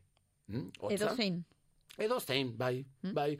Hobeda, pues hori, eh, osoa baldin bada, Bai. azken finean, Baina esate bateako laktosarik gabea ere erabil Bai, daiteke. noski, noski, noski, noski, bai, bai, bai, bai, bai, zen, azken finean laktosa azukrea da, eta errezeta honek azukrea dakar, beraz, eh, laktosa edo daukan azukrea berdin zaigu, zen botako diogu azukre gehiago. Ez dago arazorik, eh? Eta azukrerik gabe egin nahiko bagenu, edulkoranteren bat, Bale, bai, Bai? bota genezake, prozesua aldatzen da pixka zen, azukreak ere oso e, ura hartzen du. Mhm. Eta beraz, agian aldatu behar izango genezake proportzioak, baino bai, bai. Mhm. E, nik ekarri dudan proportzioak badira, pues, azukrearekin egiteko. Normalean, oreak badaukate bere ekilibria, bere Bai, balantzea, bai, bai, ezta? bai. Eta nik ekarri dudana bada Aha. daukan balantzea. Frogatzen ditut eta nik formulatzen ditut gainera. Bueno, izango litzateke eundagoita bost esne. Izan daiteke gaingabetua edo e, laktosa gabe, e, arazorik gabe. E, Primeran. mm, kantita eta e, oner, on- e, kasu honetan berdina da. Berreun gramo arraultz. Mm, erosi dezakegu arraultzaia pasteurizatuta edo bertzela hartu e, arraultzak e, mm, eta berreun gramo arrautza, zenbat arrautza? Hori da, dira? hori da. A ber, hiru arrautz agian geratzen dira motz, eh? Hiru, lau, eta pizka sobratzen baldin bada, pues bueno, to, mil tortillatxo bat egiten duzue. Edo bestela, edo Ara. bestela, hiru arraultzekin, eunda irurogeita mar, irurogeita mabos baldin badaukagu, gainontzeko hogeita bost hoiek, pues, e, hogeita bost e, e, esne gehiago. Ados, Ordez- ordez- proportzioa mantentzeko. Hori da, hogeita bost, hogei esne pizkat gehiago eta kompletatzen dugu. Eh? Ez dago arazorik. Bai, ados. Hiru arraultz ordun eta eh, hori, kompletatzen dugu. Azukre irurogeita amabost. Ez, Mhm. azukre botatzen diogu, pues azkenean bere kolore karamelizatuta, polita, ateratzeko briotxek batek daukan kolore politori. Horregatik esaten izun, edulkerantearekin agian ez Ja. genezake horrelako Aha. kolorea hartu. Eh? Bai, eta testura ere igual desberdina. No, no, ez, izango da guztiz ezberdina tekstura, Bai, kasu honetan e, glutena daukan briotxarekin. Ez dauka zer ikusirik, baino pizka bat interpretazioa eta gutxienez e, briotxea jan ezin dutenek jateko. Edo Berean. oso antzekoa den zerbait jateko. Eh? Oso ongi dago. E, jartu, jar, sartuko ditugu eunda hogeita bost gurina, Bai. Eh, potente, ona. Vale? E, zortzi gatz, zortzi gramu gatz, osea, atza bada bizitza, eta gainera Bai. horrek ematen dio bere bere zaporea, potentziatzen du zaporea. Mhm. Eta amaitzeko, amar gramu, santana. Oso ongi. Eta Santana nola dator? Gaintaka edo, Ez, edo, edo... Polbo bat, hautsa, hautsa da, bai, hautsa da, Ados, bai, hautsa da. Hamar gramo. Amar gramu. Ez da asko. Ez. Pote bat irauntzen dizu pilo bat. Bai, Osea, pilo bat. Osea, eta gainera ez dauka berme datarik ez ezer. Ah. Osea, ba, badauka, baino... Baina ongi konserbatzen da. ba, hori da, hori da. Lehorra da, eta bai, Oso oso, ongi. ongi da. Zer egin behar dugu? Guztia, guztia nahastu gurina ezik. Gurina gero, ja nahastu ondoren sartuko dugu pomadan. Bagizuen nolabait erdi pomadan Bai. dagoela, sartzen dugu, integratzen dugu, eta hori sartzen dugu behin amasatu ondoren, ez dago, bakarrik bost minutu, Mhm. ez besterik ez. Ez da- Eskuz? Bai, bai, eskuz egin dezakezu. Bai, konpaktatzen da, bada pizkat plastilina Bai. bezala. Mhm. Eh? Eta oso erresa da, zen eh, amalgametzen da oso aizkar, eta amalgametzen da ongi, uzten duzu bolatxo batetan, eta gozkailura, pues, eh, ordu botxa batzu, Mhm. gurina berriz ere hotz eta gogor jartzeko. Primeran. Hortik, ja, gogorra jarri denean, hartzen ditugu bollitoak, eh, Mhm. adibidez, berrogeita mar, edo eun gramokoak, eh, segun nola gustatzen zaizkigun. Bolatxo batzuk egiten dugu, plastilina bezala, eh, itxasten baldin bazaigu, erabiltzen dugu eh, arroza irina ez itxasteko, eta jarriko, jarriko dugu fermentatzen. Mm? E, legamia esan dut, ez? Hogei gramu ziren. Aha. Hogei gramu ziren legamia. E, ordun, e, legamiak bere funtzioa egin behar du, e, igo behar da hogia, zen Hankatu. azituko da, Bai. ikusiko duzu, eta gainera normalean, azitzen baldin bada da, glutena dagoelako. Aha. Baina kasu honetan ez dago glutena, baina santanarekin erreten ditu dugu ura eta gaza. Aha, begira, begira, magia, magia. Magia. dugu.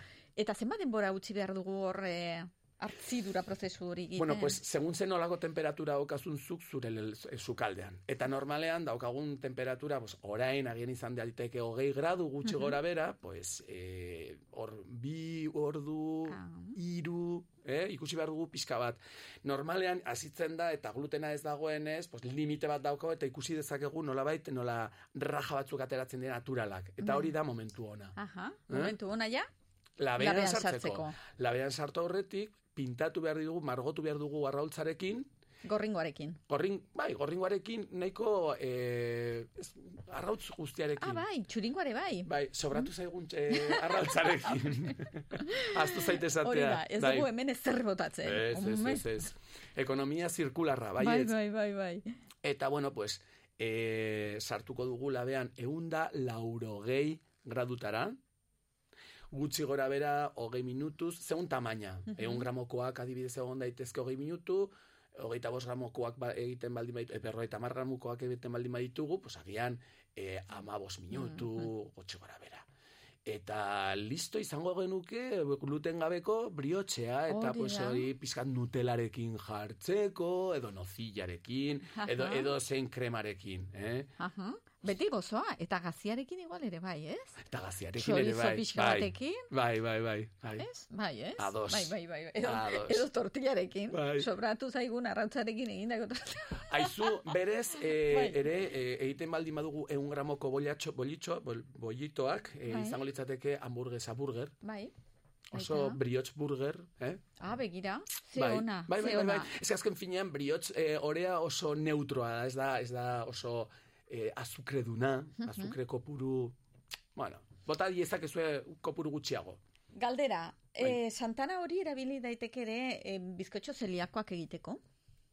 ez, ez litzateke beharrezkoa izanen. Mm? Mhm.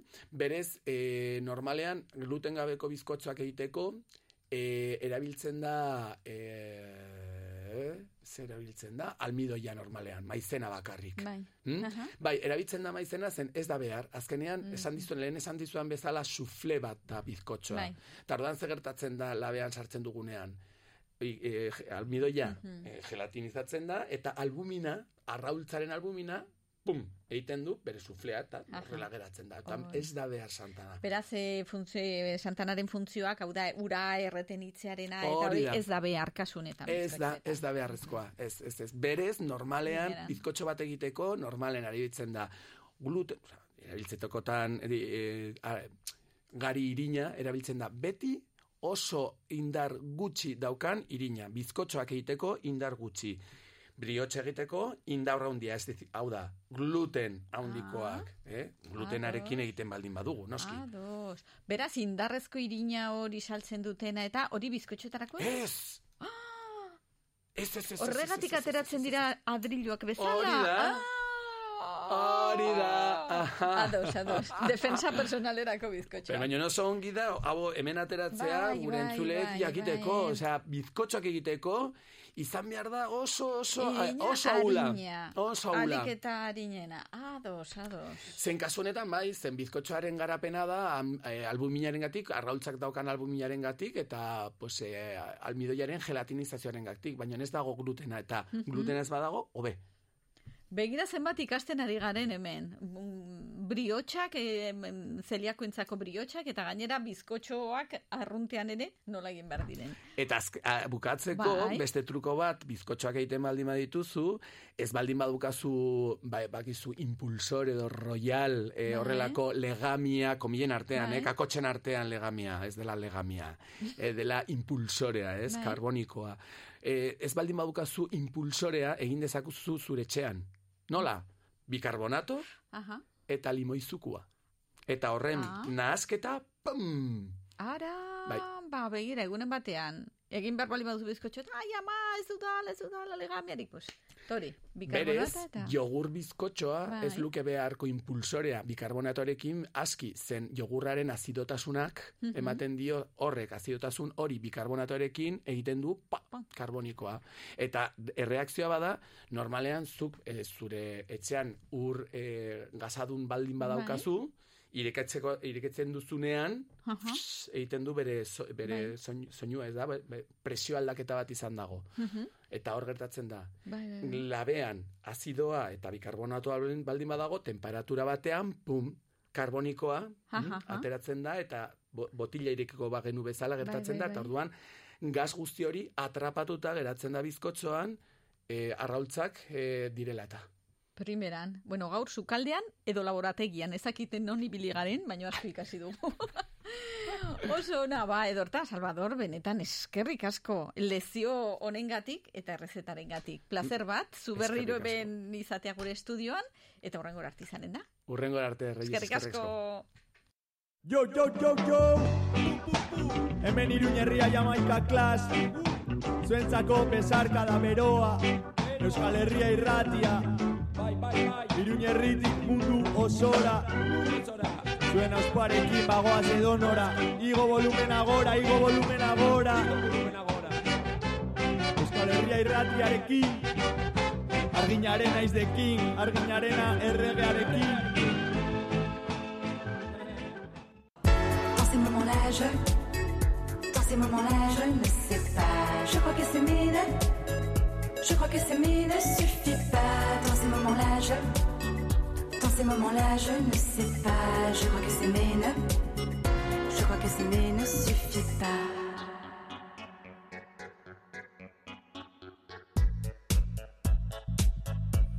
Aurten, eh, Elujarrek eh, berrogeita hamar urte beteko ditu, betetzen ari da, eta hori dela eta aprobetsatu nahi dugu, ba, koordinatzaile nagusiarekin, Jon Abrilekin, honetaz hitz egiteko. Arratsaldeon Jon. Arratsaldeon. Elujar fundazioaz hitz egitea, bada, zientziaz, eh, hitz egitea, teknologiaz, divulgazioaz, eta euskeraz hitz egitea.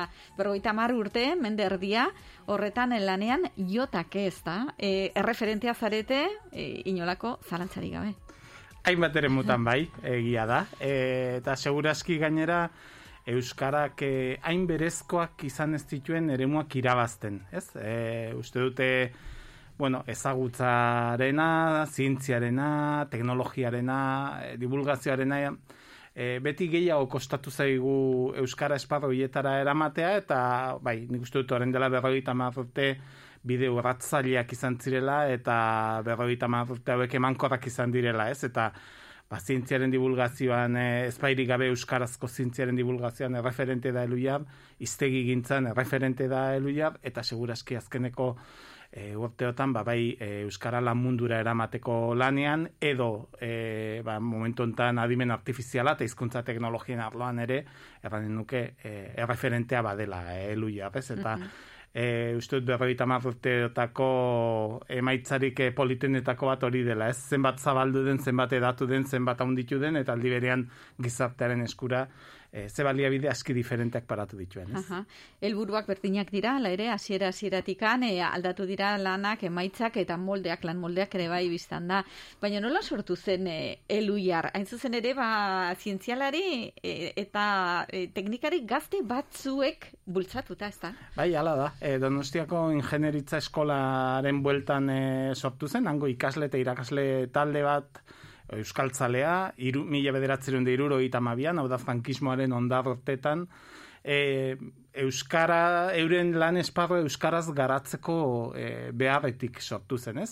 E, oartu ziren, batzuk lan munduan hasi zirenean, bertzatzuk oraindik ikasten ari zirela, e, e, dena gaztelania zegoela, eta e, euren eremu hoietan Euskara nola ekarri, ez? Eta nola eran hainbat e, termino, e, nola zabaldu egiten zuten lan hori Euskaraz, eta ba hortik eh, hasi zen eta taldeak eh, sekulako meritua du eh, hogei urtez larun batero, larun batero, larun batero arratsaldez elkartzen zirelako e, gaur egun pentsazina litzateken kontu bat, baina hogei urtez aritzu ziren e, ba, lanian, ez? Eta e, bueno, ba, inurri lan horretatik gero profesionalizazioa etorri zen, eta hala ere hogei urte zirantzuten e, tal, soberako taldeak beste lagun batzukin batera, e, ba, elkartzen eta hainbat lan egiten, ez? Eta diez horrela sortu zen eluia be zientzia eta teknologia aldizkaria, eta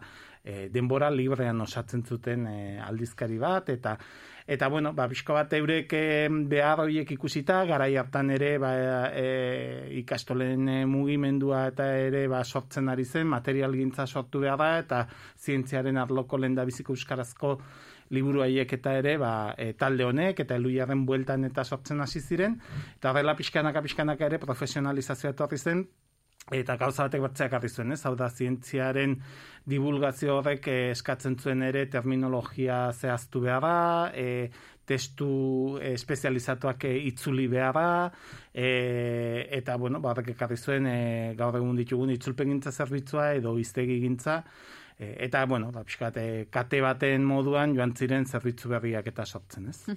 Eta garai hartan gauza asko zegoen egiteko. Dena.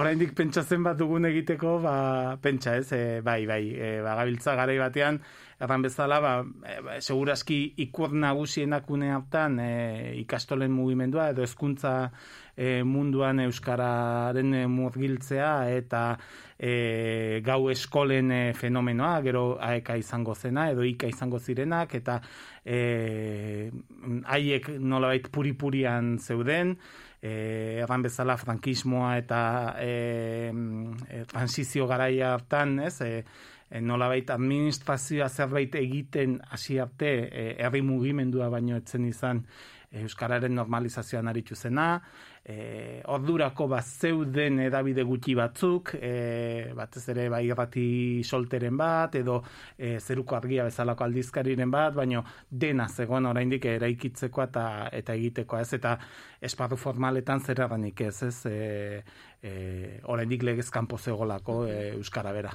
Hori da, eta bueno, e, Euskara Batuaren e, lehenbiziko urratsak, ez da? Gara da, bai. Garai hartan, eta beharrezkoa zen, noski bat Mhm. terminologian, eta hainbat kontuetan adosi hartzea aurrera egin alizateko, eta e, horretan, hain zuzen ere, luiarrek izugarrizko ekarpena egin zion Mhm. Euskarari, ez da? Eta, bo, iztegi gintzan esate baterako, e, nork ez ditu ezagutzen eta erabiltzen ia egunero eluiarren iztegiak. Bai, bai, e, orain dela hogeita bortzorte pasatxe edo sortu zen iztegia bera ezagutzen dugun bezala, zinetik ere iztegi entziklopedikoak eta zientzia iztegiak eta horrelakoak sortuak ziren, baino Euskara gaztelania, gaztelania Euskara iztegi e, zera ez, ezagun edo zabaldu hori, e, orain dela hogeita bortzorte edo e, sortu zen, eta ba, behar horien ondorio ere bai, ez, e, en, terminologia desente landua zen, eta eta horri forma ematetik etorri zen e, e, iztegia bera, ez?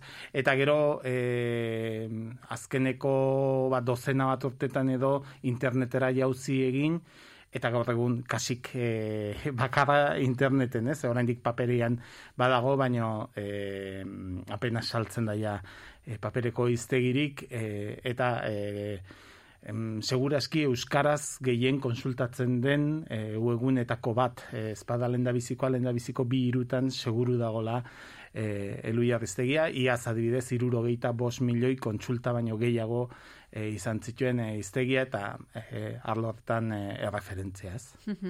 E, bueno, zaila da, labur biltzea, e, e, Bai. eluiarren lana, ez, e, urte luze hauetan, eta denbora gutxian, baina ze, e, zerbait azpimarratzekotan, e, zer izan entzen? Labor biltzekotan gaur egun erran lau eremu nagusitan ari garela, ez? Batetik e, zientziaren divulgazioa da sortze arrazoia izan zen e, ari mantentzen diogu eta hor ditugu ba Teknopolis e, Euskal Telebistako e, programa veteranoa, e, segur, e, ba, informatiboen ondotik programarik zaharrena e, izan den da segurazki ETB bat eta ETB bian, astero astero zientzia e, divulgatzen duena, norteko ferrokarrila Euskadi Garratian eta ekosfera ere guk egiten dugu Euskadi Garratian azkeneko hiru urteotan, e, eluia baldizkaria bera, zientzia.eus ataria, erne, bueno, ba, zientziaren divulgazioko alor hori eta zientziaren e, bertzeanka bat bada e, ezkuntza arloan e, egiten duguna, bai ezkuntza arautuan zientzia zoka bezalako proiektu batekin, non e, ikerlariak eta gazteak harremanetan jartzen ditugun proiektuak garatzeko,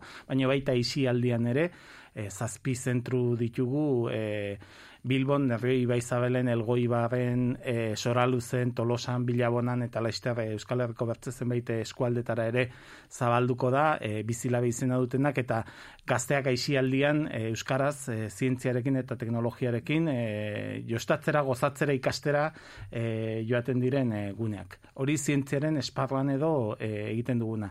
E, zientzia eta teknologiak ekarri zuten hizkuntza teknologietara ere jauzi egitea.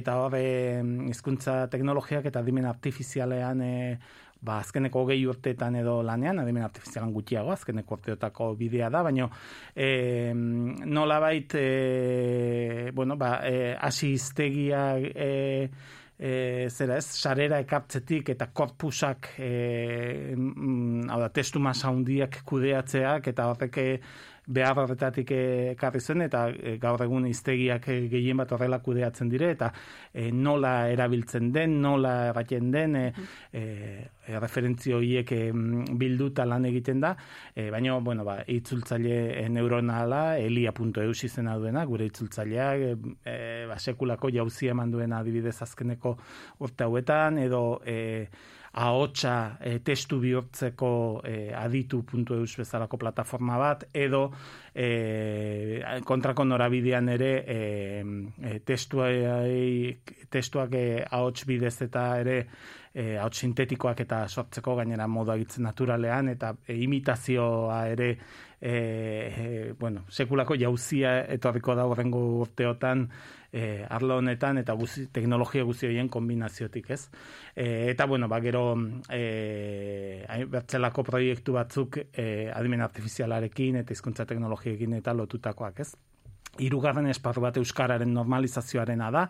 E, bueno, itzulpengintza espezializatua e, egiten dugu, orokorra ere bai, baina espezializatua e, zien- e, teknologia eta zientzia arloko edo testu ti- zientifiko teknikoak eta e, itzultzeko unitate berezi bat e, badugulako, baina baita ere euskara e, lan munduan eta e, administrazioan eta gizartean sustatzeko hainbat e, proiektu eta aholkularitza lan e, egiten dugu.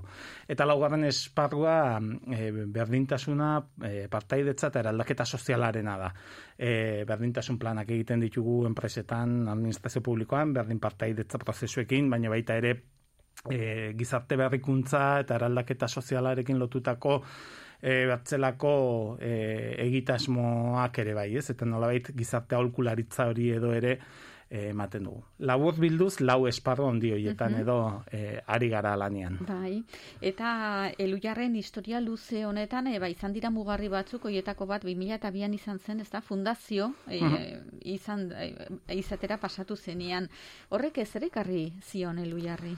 Bueno, ba, ekarri zion segurazki azkunde handi bat. E, gaur egun egun lagun gara elu jaben lanian e, ari garenak, e, eta ba, momentu hartan hogeita gutxi langile izango zituen, e, eluiarrek, eta fundazio izaerak, e, bueno, juridikoki fundazio izatera pasatzeaz gain, estrategio oso bat ere landu zen garai horietan, eta e, ba, bertze diru iturri batzuk, bertzelako e, proiektu mota bat, e, horretorri zen ere justuki, ez, e, aholkularitzaren e, azkunde guzia, lan munduan ere, eta partaidetzan garai horretan, beranduago berdintasunean, baina baita ere, e, nola baite zera ez, e, hizkuntza teknologien e, standa hori eta garai hortan e, hasi zen eluiar e, bide hori horratzen, ez, orain dela hogei urte. Mhm. Orduan, e, e, izan zen e, juridikoki, bueno, ba, baliabi, bertzelako baliabide batzuk lortzeko e, bide, baina batez ere ere,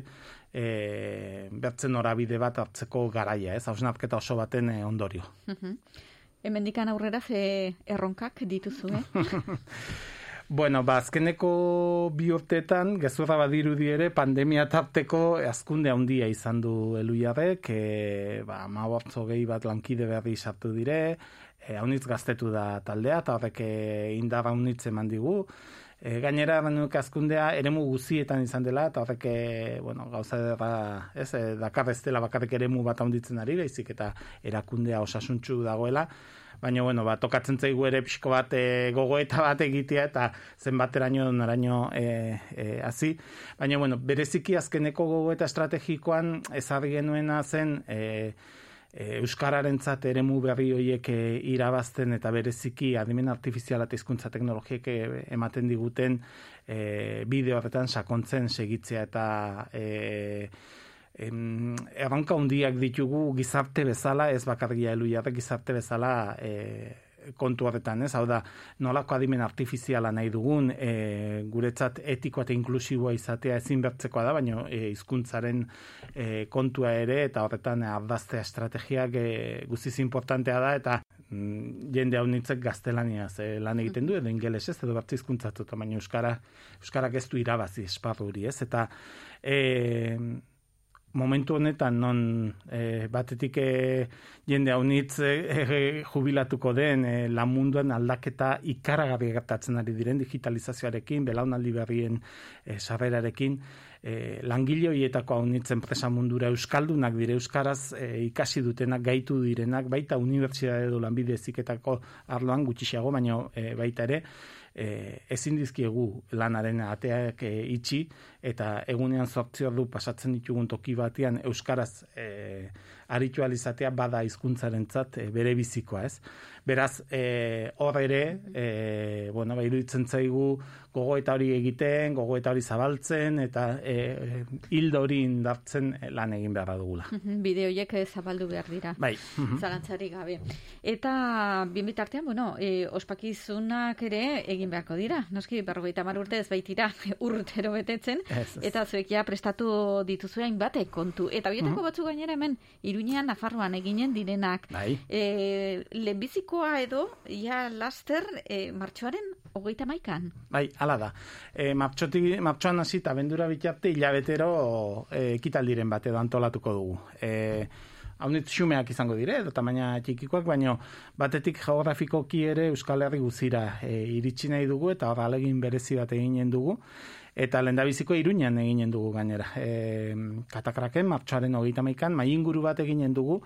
E, bada Euskararen normalizazioaren inguruan e, kezka bat edo azkeneko urtetan haunitzazpimarratzen dena, eta da e, gazteen ezagutzan e, Euskal Autonomia Erkidegoan e, universalizaziora bidean gaude, e, Nafarroan e, inoiz baino gazte gehiagok daki e, Euskara, oraindik universalizazioa egitzurruti dugu, bino egia da, e, e, inoiz ez da hainbertze gazte Euskaldun izan e, Nafarroan, eta e, horrek e, itxaropena ere eman behar digu, eta pentsatu behar dugu, e, ba orain dela berroi tamar urte baino egoera unitze zobian gaudela ere morretatik.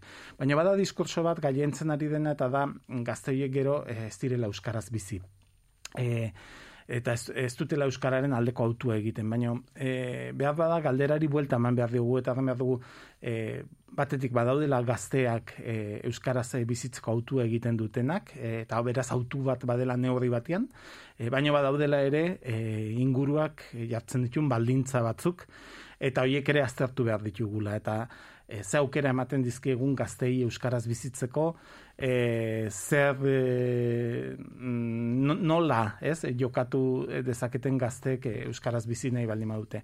Eta lau gazte elkartuko ditugu bakoitzaren mu diferente batetikan e, euskararekin duten esperientzi eta bizipen hori kontatu diezaguten, adibidez bideo jokoetan dabilen e, neska gazte bat, e, eta zergatik jokatzen duen bideo jokoetan euskaraz, ez? E, hau nitzez ere aukera gehiago izango dituenean segurazki bertzeremu batzutan, eta e, zer den e, gamer euskaldun bat e, izatea, zientzialari gazte bat, e, eta e, euskaraz ere ikertzen duena eta lan egiten duena, e, behar bada militantziatik edo aktivismotik urbilago egon daiteken bertze persona bat, e, ba, gaztealdia bezalako ekimen batean parte hartu zuena, e, euskaraz bizitzeko apustua edo e, sendo egin zuena, e, eta kultura edo sormenaren mundu duan ere, e, ba, aritzen den bertze gazte bat. Ez orduan, bueno, ba, lau ikuspegi horiekin e, mai inguru bat e, eginen dugu eta nahi dugu nola baite hori erakutsi, ez? E, Nola bizi duten e, e, gazteek ze aukera dituzten, ze muga dituzten, non ikusten dituzten erronkak eta antzinera begira euren esparruetan e, euskarak e, non jokatu behar duen edo ze apustu egin behar dituen, ez? Hori da, ze erabilera egiten duten hizkuntzetan, baina Mhm. zergatik ere bai, Hori hori, den aztertu behar da. Eta zientzia azoka, lehen aipatu duzun ekimen hori, urte oro antolatzen duzuena, e, hemen ere, iruñan izanen dugu. Mhm. Bai, e, bada e, proiektu bat, e, nire ustez izugarri polita dena, eta da e, gazteek ikastetxeetan euren irakaslearekin e, zientzia edo teknologiarekin lotutako ikerketa edo lan bat egiten dute. Baina ikerketa zentro bateko e, ikertzaileren baten laguntzarekin edo unibertsiadeko ikertzaile baten laguntzarekin egiten dute proiektu hori. Eta gero ikastorte bukaeran e, kalera plazara ateratzen ditugu e, proiektu horiek gizarteari erakusteko. Azoka moduko bat antolatzen dugu proiektu horiek erakusteko. Orain arte Bilbon egin dugu urtero, baina bagenuen batetik e, estrategia aldaketa bat egin nahian eta e, Bilbon egiten segiko dugu nolabait azkeneko besta edo azkeneko ekitaldia, baina e, destentralizatu nahi dugu eta eskualdetara ekarri nahi dugu kultura hori, ez? Eta gazteak euren herritarrei erakustea, euren institutuan edo e, euren ikastetxean egin duten lan hori, eta aldela konektatu ere e, euren inguruan egiten den zientzia horrekin, ez? E, behar bada hiriburu batean errazagoa da ikustean non egiten den zientzia, baina e, herri txikiagoetan e, agian haunitzen ez gara batzen ondoko enpresak baduela e, ikerkuntza eta berrikuntzarako unitate bat eta ikertzen edo e, ari direla hainbat esparrutan eta hoiekin ere konexioak lotu ikustea e, zientzia eta ikerketa ez dela gauza urrun edo arrotz bat baizik eta mm, ondoko lantegian ere egin daiteken kontu bat.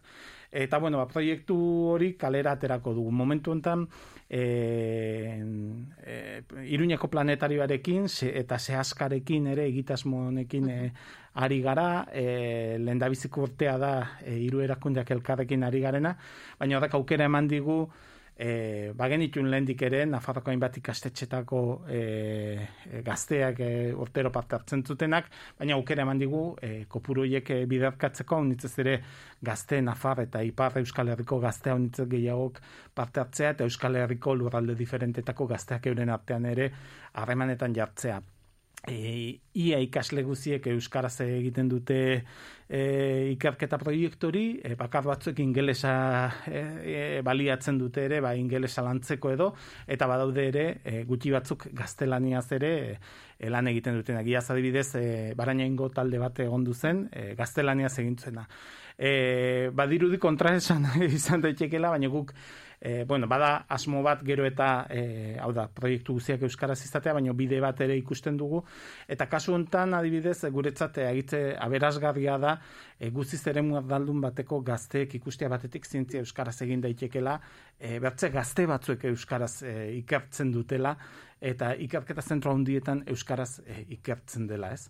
E, eta horren mundu bat e, irekitzen zaie ere bai, eta mito haunitz erortzen zaizki, ez? Eta, bueno, iruditzen zaigu e, erdal mundura ere urbildu behar dugula, eta e, hori ere erakutsi behar diegula, eta euskara ez dela bakarrik folklorea, e, respetu guziarekin, eta maitasun guziarekin, baina dut, e, haunitzetan gazte horiek edo ikusten duten moduan, ez? Eta, e, guztiz e, hizkuntza garaikidea dela e, gurea, ez? Eta bueno, ba, proiektu horrek ere bere isla izango du hemen e, Iruñan, maiatza ondarrean izanen da, eta e, ba, bertako i- Nafarroko hainbat ikastetxetako, eta Ipar Euskal Herriko eta e, Araba Bizkaita Gipuzkoako batzi ikastetxe batzetako gazteak hemen egongo dire, elkartuko dire, eta euren proiektuak aurkeztuko dituzte, ez? Eta loturak eba erakunde desberdinen artean hori beti interesgarria da. Bai, elkarlana. guziz, guretzat elkarlana bada eh, lan egiteko modu bat, eh, sekulako hitzarmen eta harreman pila dugu lankidetzan eh, aritzeko eh, joera naturala dugu eta eh, polita da, ez? Eh, guziz erakunde desberdinen artean eh, aritza, ez? Ikerketa zentroak eh, eh, planetario bezalako erakunde bat, eh, sehaska edo eh, enpresa industrialak, ez? Mhm. Edo udako Euskal Unibertsitatea, zuen adinkidea dena, gainera. Bai, bai, bai. Arte nahiek ere berroita urte beteko dute, eta eta hain zuzen ere elkarrekin atolatu duzu ikastaro bat, ja, udako ikastaroen barrenian txertatzeko, ezta? Bai, zen, sorrera egitz lotua dago. Ez da bakarrik eh, adinkideak garela, Mhm. baizik eta pers, eh, persona sortzaileak errepikatu egiten direla. E, eta hain ere, eluiarreko talde eh, horrek ikusi zuen eh, uda ikastaroen behar bat, eta hortik etorri zen, lehendabiziko etorri ziren uda ikastaroak eta gero etorri zen ueuk datorren urtean beteko ditu, berrogeita hamar urte, baina uda ikastaroak aurten, lehendabiziko Aha. etorri zirelako uda ikastaroak. Aha, Eta- beraz, larun batetan biltzen ziren, eta gainera, udan, Udan? biltzen ziren Horixe. ikastaroak egiteko. Horrelaxe sortu zen UEU ere bai. Eta orduan lotura hori egondu da betidanik, eta horten bereziki ikusten genuen elkarrekin zerbait e, egin behar da.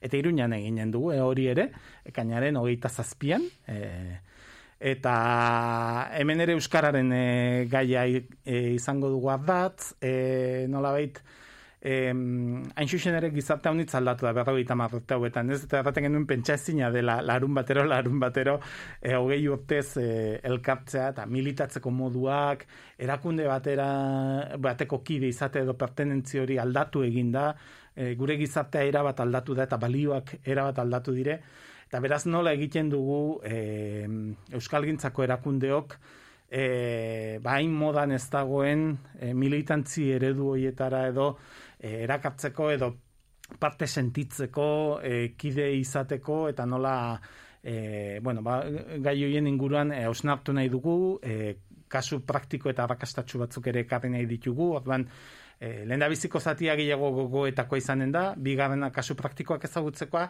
eta hirugarrena e, antzinera begirako proposamenak lantzeko e, gune bat edo eginen dugu hain ere e, zera, ez? E, bueno, ba, e, tresnak edo erramintak emateko euskalgintzako eragilei ere e, bueno, e, bide honetan e, lanean segitzeko.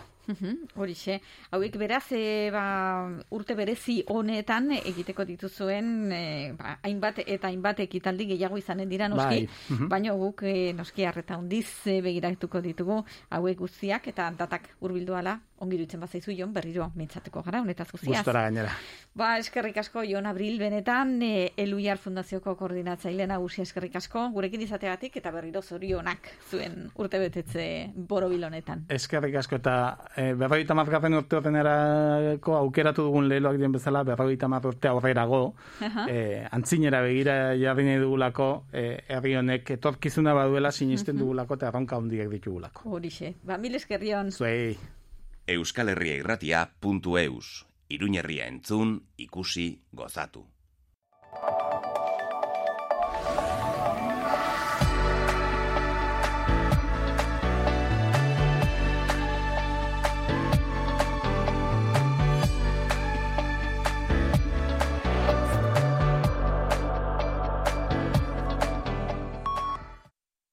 Arratsaldeko seiak dira.